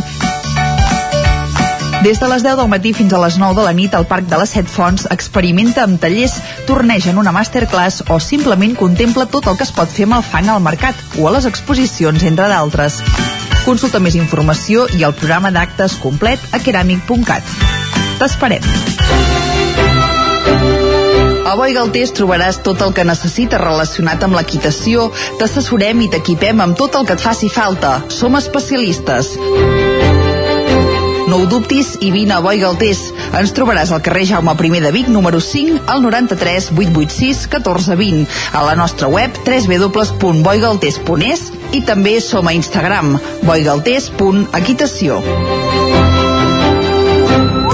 Per moure't, lloga un cotxe ALR. Per moure la família, lloga un minibús ALR. Per moure coses, lloga una furgoneta ALR. Per moure la casa, lloga un camió ALR. Lloguer de cotxes, furgonetes i camions ALR. Ens trobaràs al carrer Francesc Sant Climent 83 de Vic i també a Olot i Manresa. Informa't en el 93 888 60 57 o bé consulta el web alr.cat. A Bailen sabem que quan té una avaria a la seva caldera vol una solució ràpida. Truqui al servei tècnic oficial Bailen i els nostres tècnics vindran ràpidament a solucionar-li el problema. A més, si canvieu ara la caldera, us regalem fins a 250 euros. Truqueu al 910 77 88 77 o entreu a bailen.es. Una bona alimentació és la salut del futur. Cicle formatiu de grau superior en dietètica de Seminari Vic. Torn de matins, tracte personalitzat i familiar, espais moderns i acollidors, sortides, ponències, entorn saludable. Matrícula oberta a seminarivic.cat o al 93 886 1555. Seminari Vic, edifici del saber. Ser a prop vol dir veure les coses més bé. Apropa't al que t'interessa amb la xarxa Més. La teva plataforma audiovisual de qualitat, proximitat i gratuïta. Gaudeix dels continguts de més de 30 televisions locals i podcast quan, com i on tu vulguis. Entra a la xarxa més.cat i descarrega't l'app. Cocodril Club. Si t'agrada la bona música dels anys 60, 70 i 80, escolta el 9 FM els matins de dissabtes i diumenges d'11 a 1. És el temps del Cocodril Club, tot un clàssic de la ràdio, amb les bases del pop-rock, les llegendes, les cançons que s'han convertit en autèntics himnes. Recorda, dissabtes i diumenges al matí, d'11 a 1, al 9 FM 92.8. Cocodril Club, el programa revival de l'Albert Malla. Hasta luego. El 9 FM, el 9 FM. En punt ara mateix dos quarts d'onze al territori 17.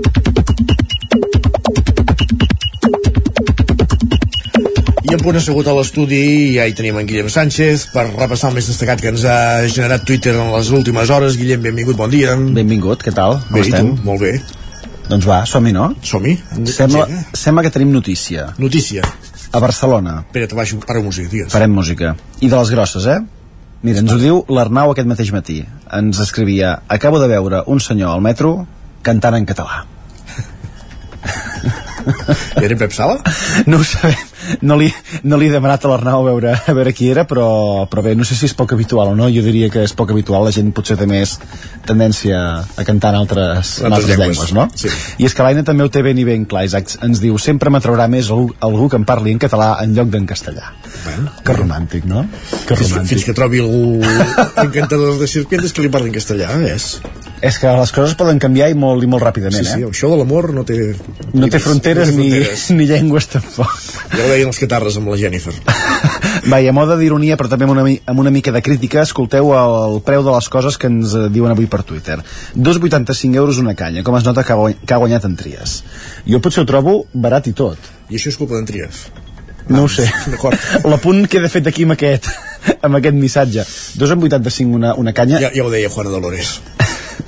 És car, però sabent que és Barcelona i depèn del lloc on sigui, tampoc ho trobo excessivament car. I trobo al·lucinant que el do- 48 hores després de guanyar unes eleccions ja influeixis amb el preu de la canya. És la intervenció, intervenció Sí, sí, política. veig. I, I és que a partir d'aquest missatge ha començat ja la competició entre els diferents usuaris que tenen molt temps lliure i es poden dedicar a comparar preus i, i llocs de- d'arreu del, del món. Per exemple, aquesta usuària, la Mireia, que ens diu 4 euros i mig una Coca-Cola de 200 mil·lilitres en una terrassa d'un hotel d'Andorra. Diu 200 mil·lilitres, si ningú serveix ja aquest format. També és culpa d'en Trias. No ho sabem. Jo crec que Andorra... Bueno, no, no em facis dir res, no em facis dir res, Isaac. Va, i fins i tot ampliant fronteres també ens escriuen mentrestant a Itàlia has de sobreviure amb una birra mèdia de bar a 4 euros i mig. Carai, tu. Això sí que potser fa una mica més de mal, eh? I també és culpa d'en Trias. Perquè tu quan estaries disposat a pagar per una cervesa, Isaac? Va, siguem, siguem realistes. Mira, et diré que una vegada en, en, plen, eh, en un viatge de vacances van pagar 9 euros per una copa de vi. Val, doncs ho, ho deixarem aquí perquè has, has guanyat directament. Sí? T'has t'has passat el joc, ja. No, no, no és, bueno, en fi, ja està. Coses que passen, ja està. Va, i mireu que maca que és aquesta expressió que ens comparteix la Laia i que jo fins ara no coneixia. Quan es tanca una porta, s'obre una cervesa.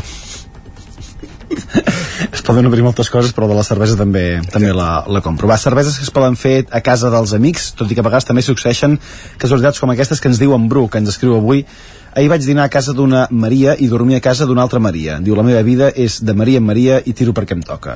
Anava a dir, pensava que posaria fumo perquè em toca. Però més enllà d'això, la gent ja té la vista posada en el futur. Isaac, la Rocío ens comenta tinc ganes que arribi el juny i poder agafar vacances.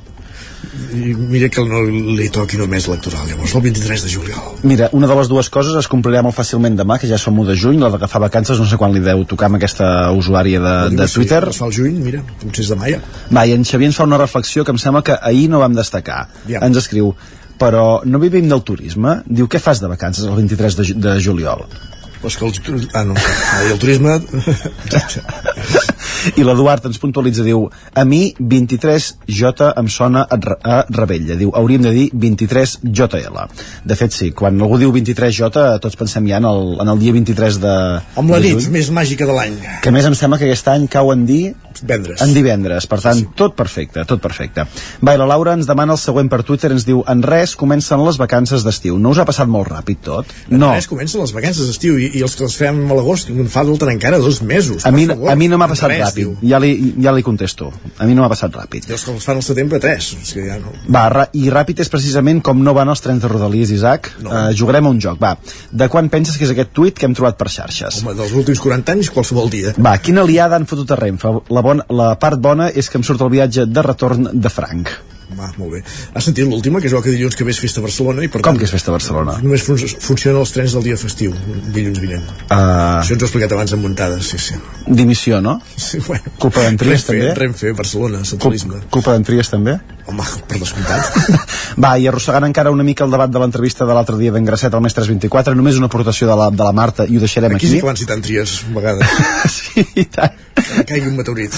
Doncs la Marta ens diu poca memòria teniu per considerar que l'entrevista de dilluns al Més 324 és el millor que ha passat a la, a la tele. Diu, veig que no recordeu a l'Albert Botran de la CUP aguantant a una senyora histèrica dient-li comunista mentre ell estava més relaxat que un monjo budista. Si voleu recuperar el vídeo, eh, Marta acaba a Twitter i a partir d'aquí també uns quants, uns quants riures.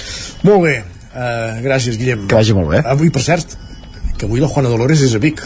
Només ha vist, ha vist per navegants. Uh, no faré comentaris No la vols anar a veure? Uh, no, uh, tinc, tinc feina o he d'agafar la Renfe no sé, ja, ja Molt trobarem bé. alguna excusa Bon dia, fins demà. que vagi bé Territori 17, el 9 FM, la veu de Sant Joan, Ona Codinenca, Ràdio Cardedeu, Territori 17. I el territori 17 és ton, temps ara torn de l'alegria interior.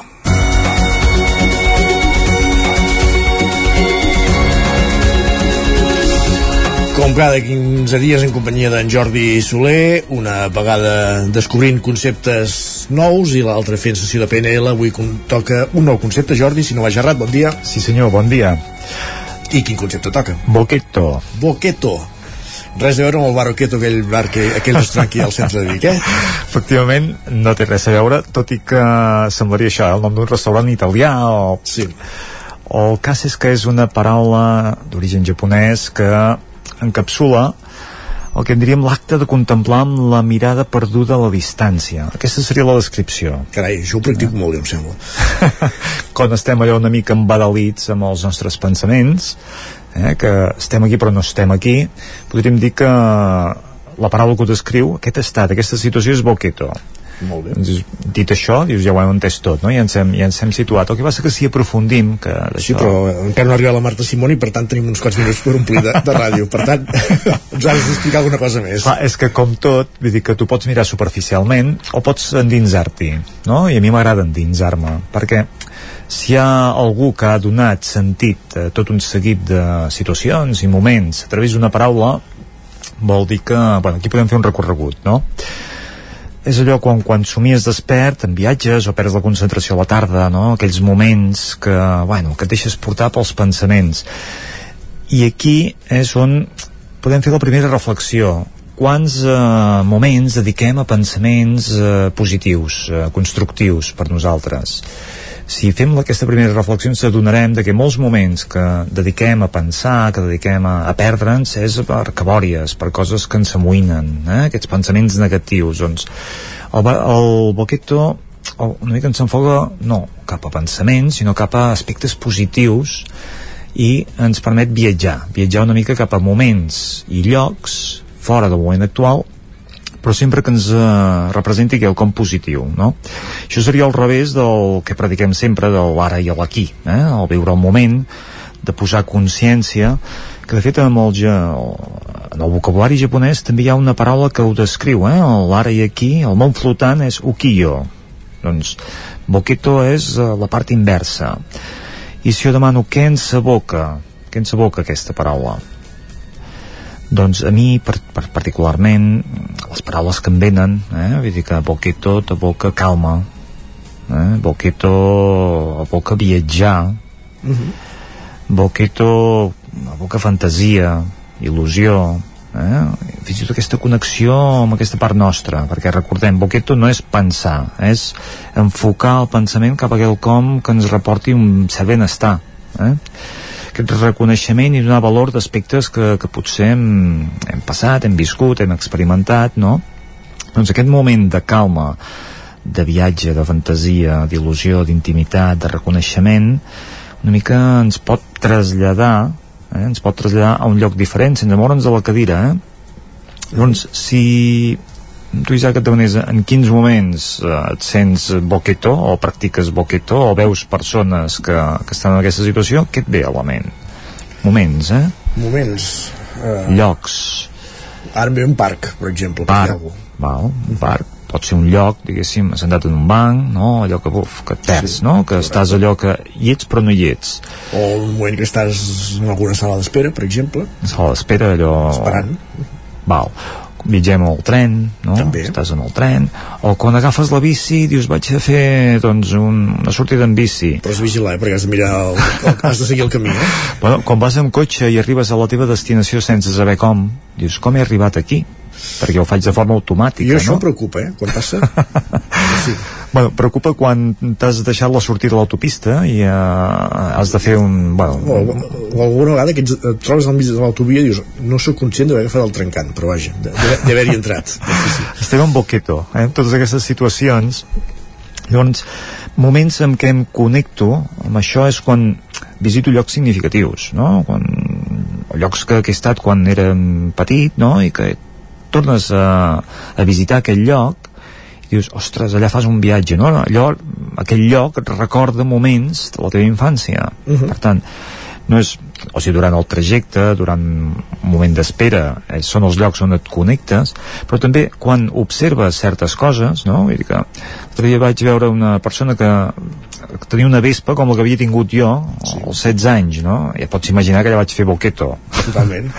no? Perquè allò em va recordar, doncs, eh, o retrobar-me amb algun amic d'aquella època, no? Vull dir, ostres, comences a reviure tots aquells moments. moments moments positius eh? vull dir que els moments negatius ja ens s'omplen cada dia més al compte vull dir que cabòries, eh, pensaments i coses que pff, van en contra nostra això ve de forma automàtica Boquito ens enfoca una mica cap a la part constructiva positiva no? Dic, això de la vespa que deia clar, dic, ostres, als 16 anys, què feia als 16 anys amb, amb la meva vespa no? I, i veia el que tenia davant hi havia aspectes que coincidien la, la bicicleta VH, aquelles famoses VHs que teníem tota la canalla, que era el mateix model eh?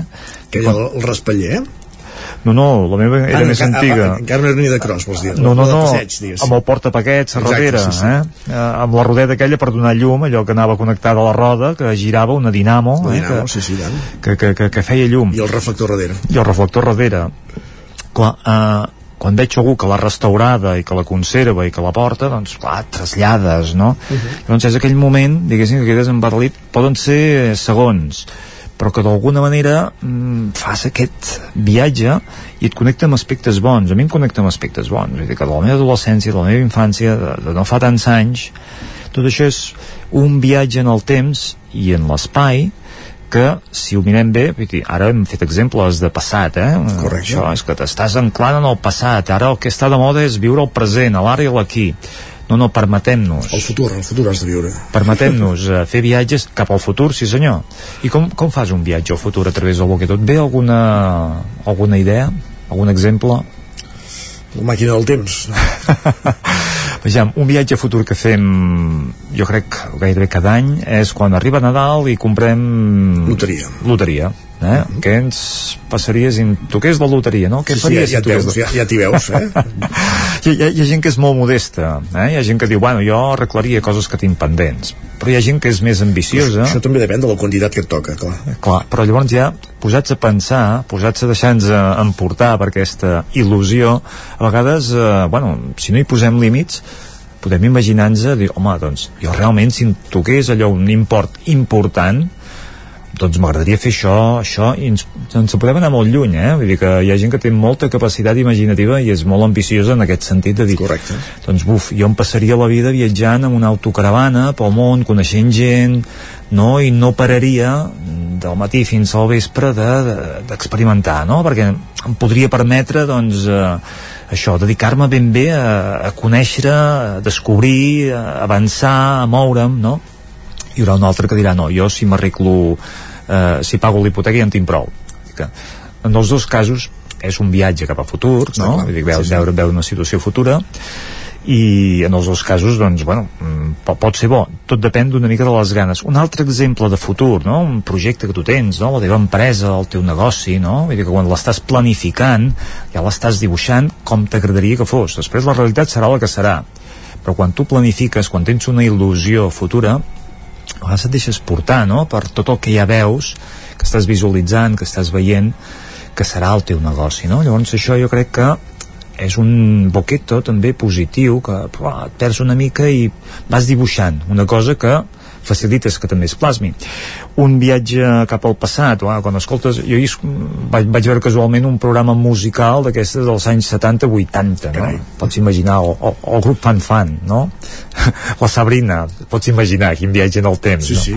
i dius, ostres, això sí, quan érem adults Tocata, sí senyor, eh? sí senyor sí senyor, aquests viatges en el temps dius, ostres, això em recorda quan anàvem a la discoteca amb els amics eh, que hi havia aquests grups, que hi havia aquesta forma de vestir, de pentinar-se que ara veiem allò... Els bueno, electrolendes vas, ben, vas, vas ben documentat, sí senyor. Molt bé. Tot, tot, uh, tot això ens ajuda a recordar-nos que tenim aquesta capacitat eh, d'anar-nos-en que també ens ho podem permetre, hem d'estar ara i aquí però també ens podem permetre viatjar pensant en positiu, eh, Boqueto. Doncs ens quedem amb aquesta paraula, fer córrer la imaginació, recordar el passat o, o aventurar el futur, perdre la mirada i doncs reflexionar, pensar diguéssim, en positiu. En, aquests, en positiu en aquests objectius. Així sí. Gràcies Jordi, una setmana més, fins aquí 15 dies. A vosaltres. Bon dia. Adéu, bon dia. Avancem al territori 17 i després de conèixer aquest nou concepte, el boqueto que ens portava en Jordi Soler, parlem de llibres, parlem de mitologia, tot seguit amb la Marta Simón, de la muntanya de llibres, el Lletra Ferits.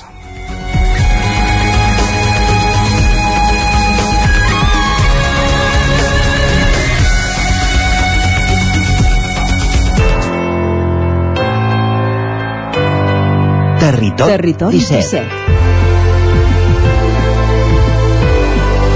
Territori 17.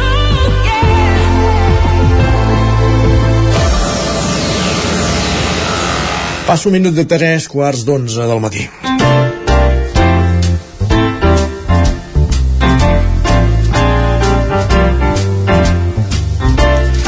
Recte final del territori 17 i ho fem parlant de llibres de lletra frits com fem cada setmana, avui en companyia de la Marta Simón, llibretera de Muntanya de Llibres benvinguda Marta, bon dia Hola, bon dia, què tal? Primer de tot, a Muntanya de Llibres esteu de mudança aquests dies Sí, eh? mira, avui és l'últim dia sí, l'últim dia que estem al local de sempre perquè ens traslladem al mateix carrer Verdaguer però al número 24, o sigui, res allà on, quatre passes allà on abans hi havia un banc ara hi haurà llibres eh? Exacte, sí. important. I a partir de demà sí que ja tindrem tancat uns quants dies perquè hem de moure molts llibres, eh? Molts, eh? Ens ve una feinada a sobre, però bé, l'encarem amb moltes ganes. Quan dius molts, quina Vull dir quantitat de milers moltíssims. pensar? no ho sé, prefereixo no saber-ho, però Molt la bé. veritat és que en tenim moltes ganes perquè estarem molt bé. Molt bé. De llibres avui en parlem al Lletra Ferits. Recentment ha vist la llum eh, el nou llibre de, de l'escriptora mallenca Irene Solà. Et vaig donar ulls i vas mirar les tenebres i això ens porta avui a parlar, Marta, de mitologia i folklore català. Sí, perquè he pensat que era un bon motiu, no? com una excusa per parlar d'un tipus de llibre que nosaltres a la llibreria doncs, tenim una bona secció i que realment tenen un públic i que no acostumen a sortir a la llista dels més venuts, tot i que a vegades sí, avui en portem un que sí que darrerament s'ha venut molt.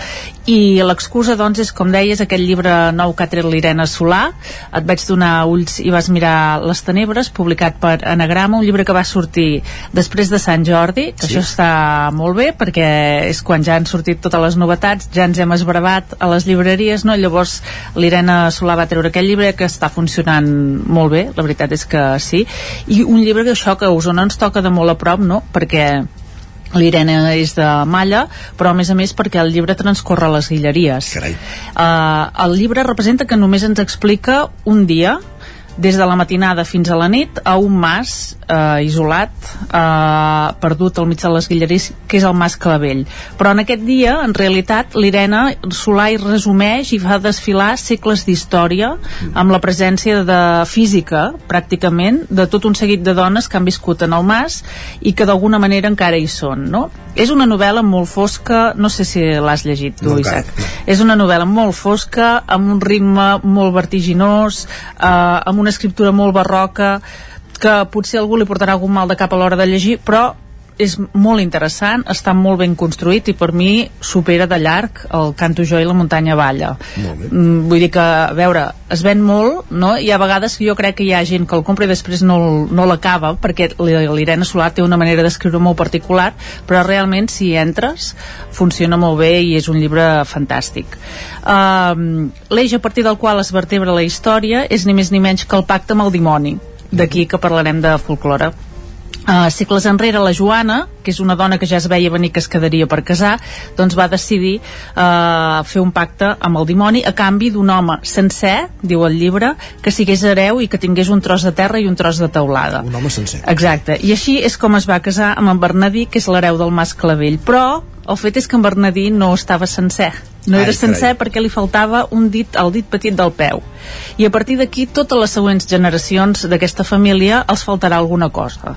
Un trosset de cor, el forat del cul, la llengua, les pestanyes o la memòria, per exemple. Carai. Per tant, el dimoni té un pes importantíssim en aquesta obra i també altres elements del folklore català com contes o llegendes. Eh? També hi trobem, per exemple, l'herba dels pets o els tres germans ganduls o figures rellevants de la nostra història com el bandoler Serrallonga Uh, i avui per tant doncs, parlarem d'alguns llibres destacats sobre folklore, mitologia i llegendes de casa nostra Molt bé. el primer és Mitologia dels Països Catalans.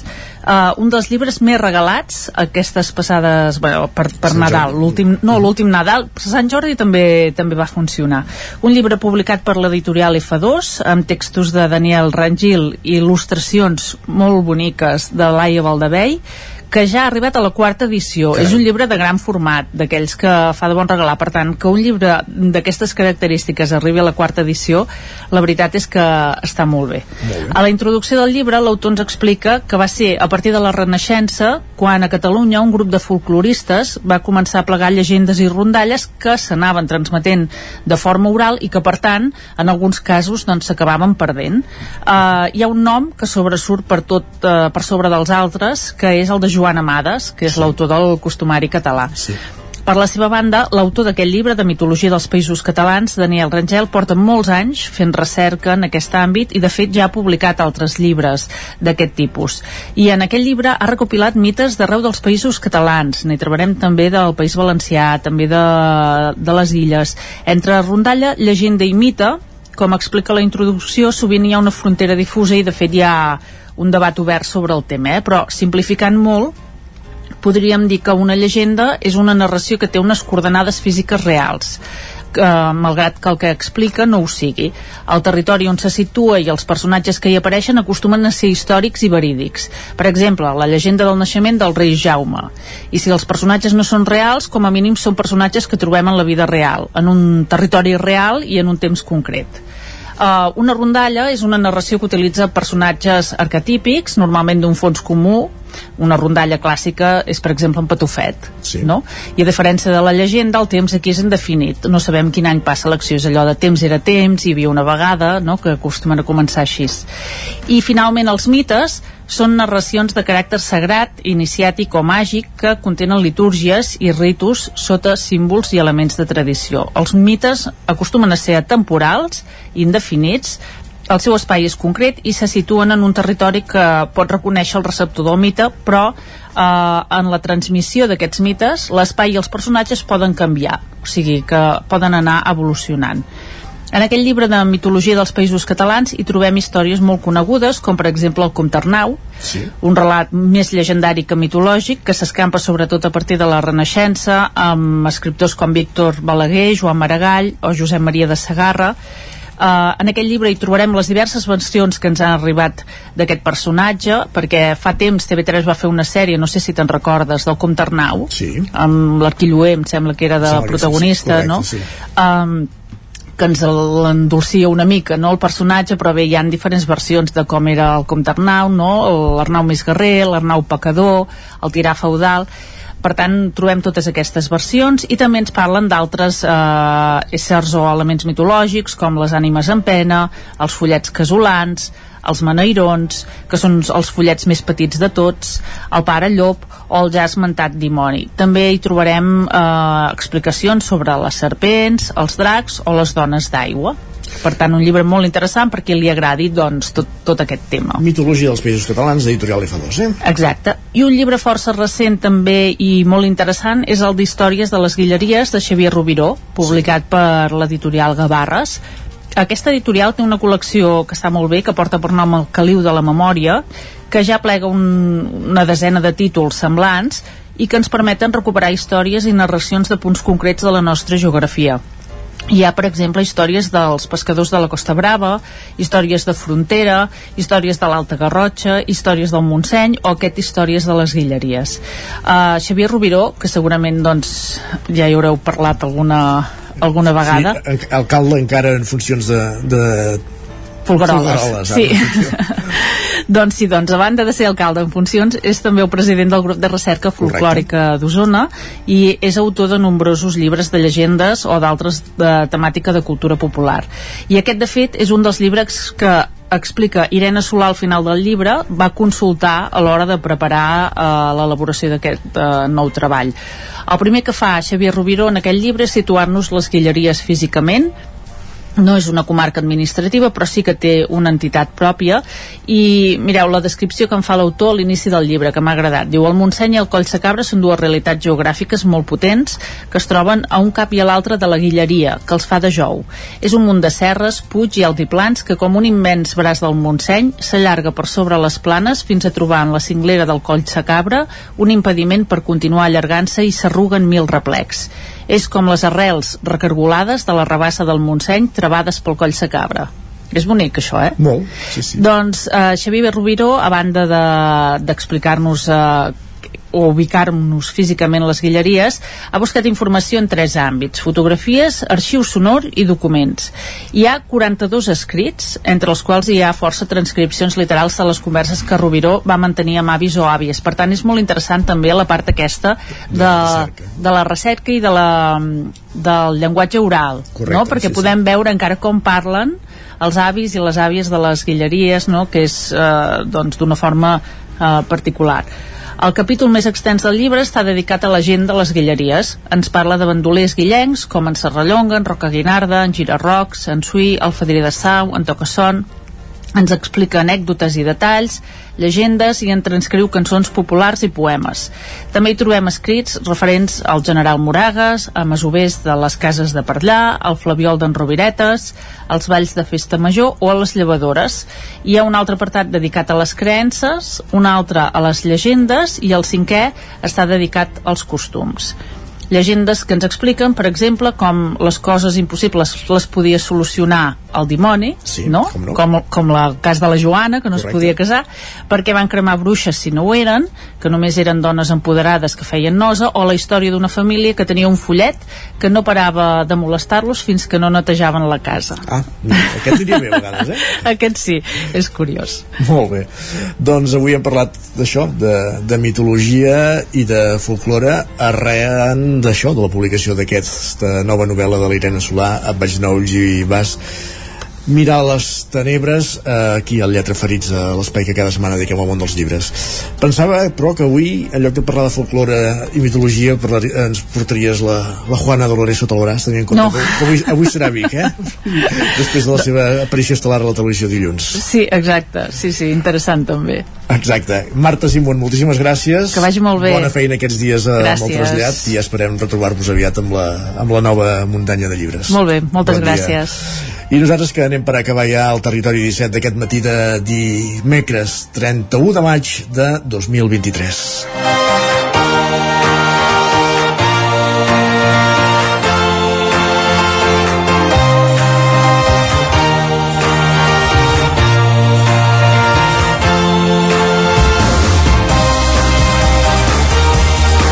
Un territori 17 que arriba a la seva fi després de pràcticament dues hores. Us hem acompanyat des de les 9, Pol Grau, Isaac Muntades, Roser, Roger Rams, Susana Cabistol, Pepa Costa, Jordi Givert, Guillem Sánchez, Jordi Solent, Marta Simón, Sergi Vives i Isaac Moreno.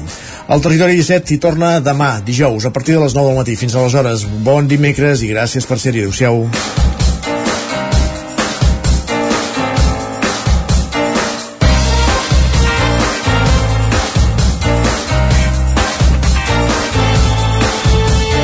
Territori 17, un magazín del nou FM. La veu de Sant Joan, Ona Codinenca i Ràdio Cardedeu amb el suport de la xarxa.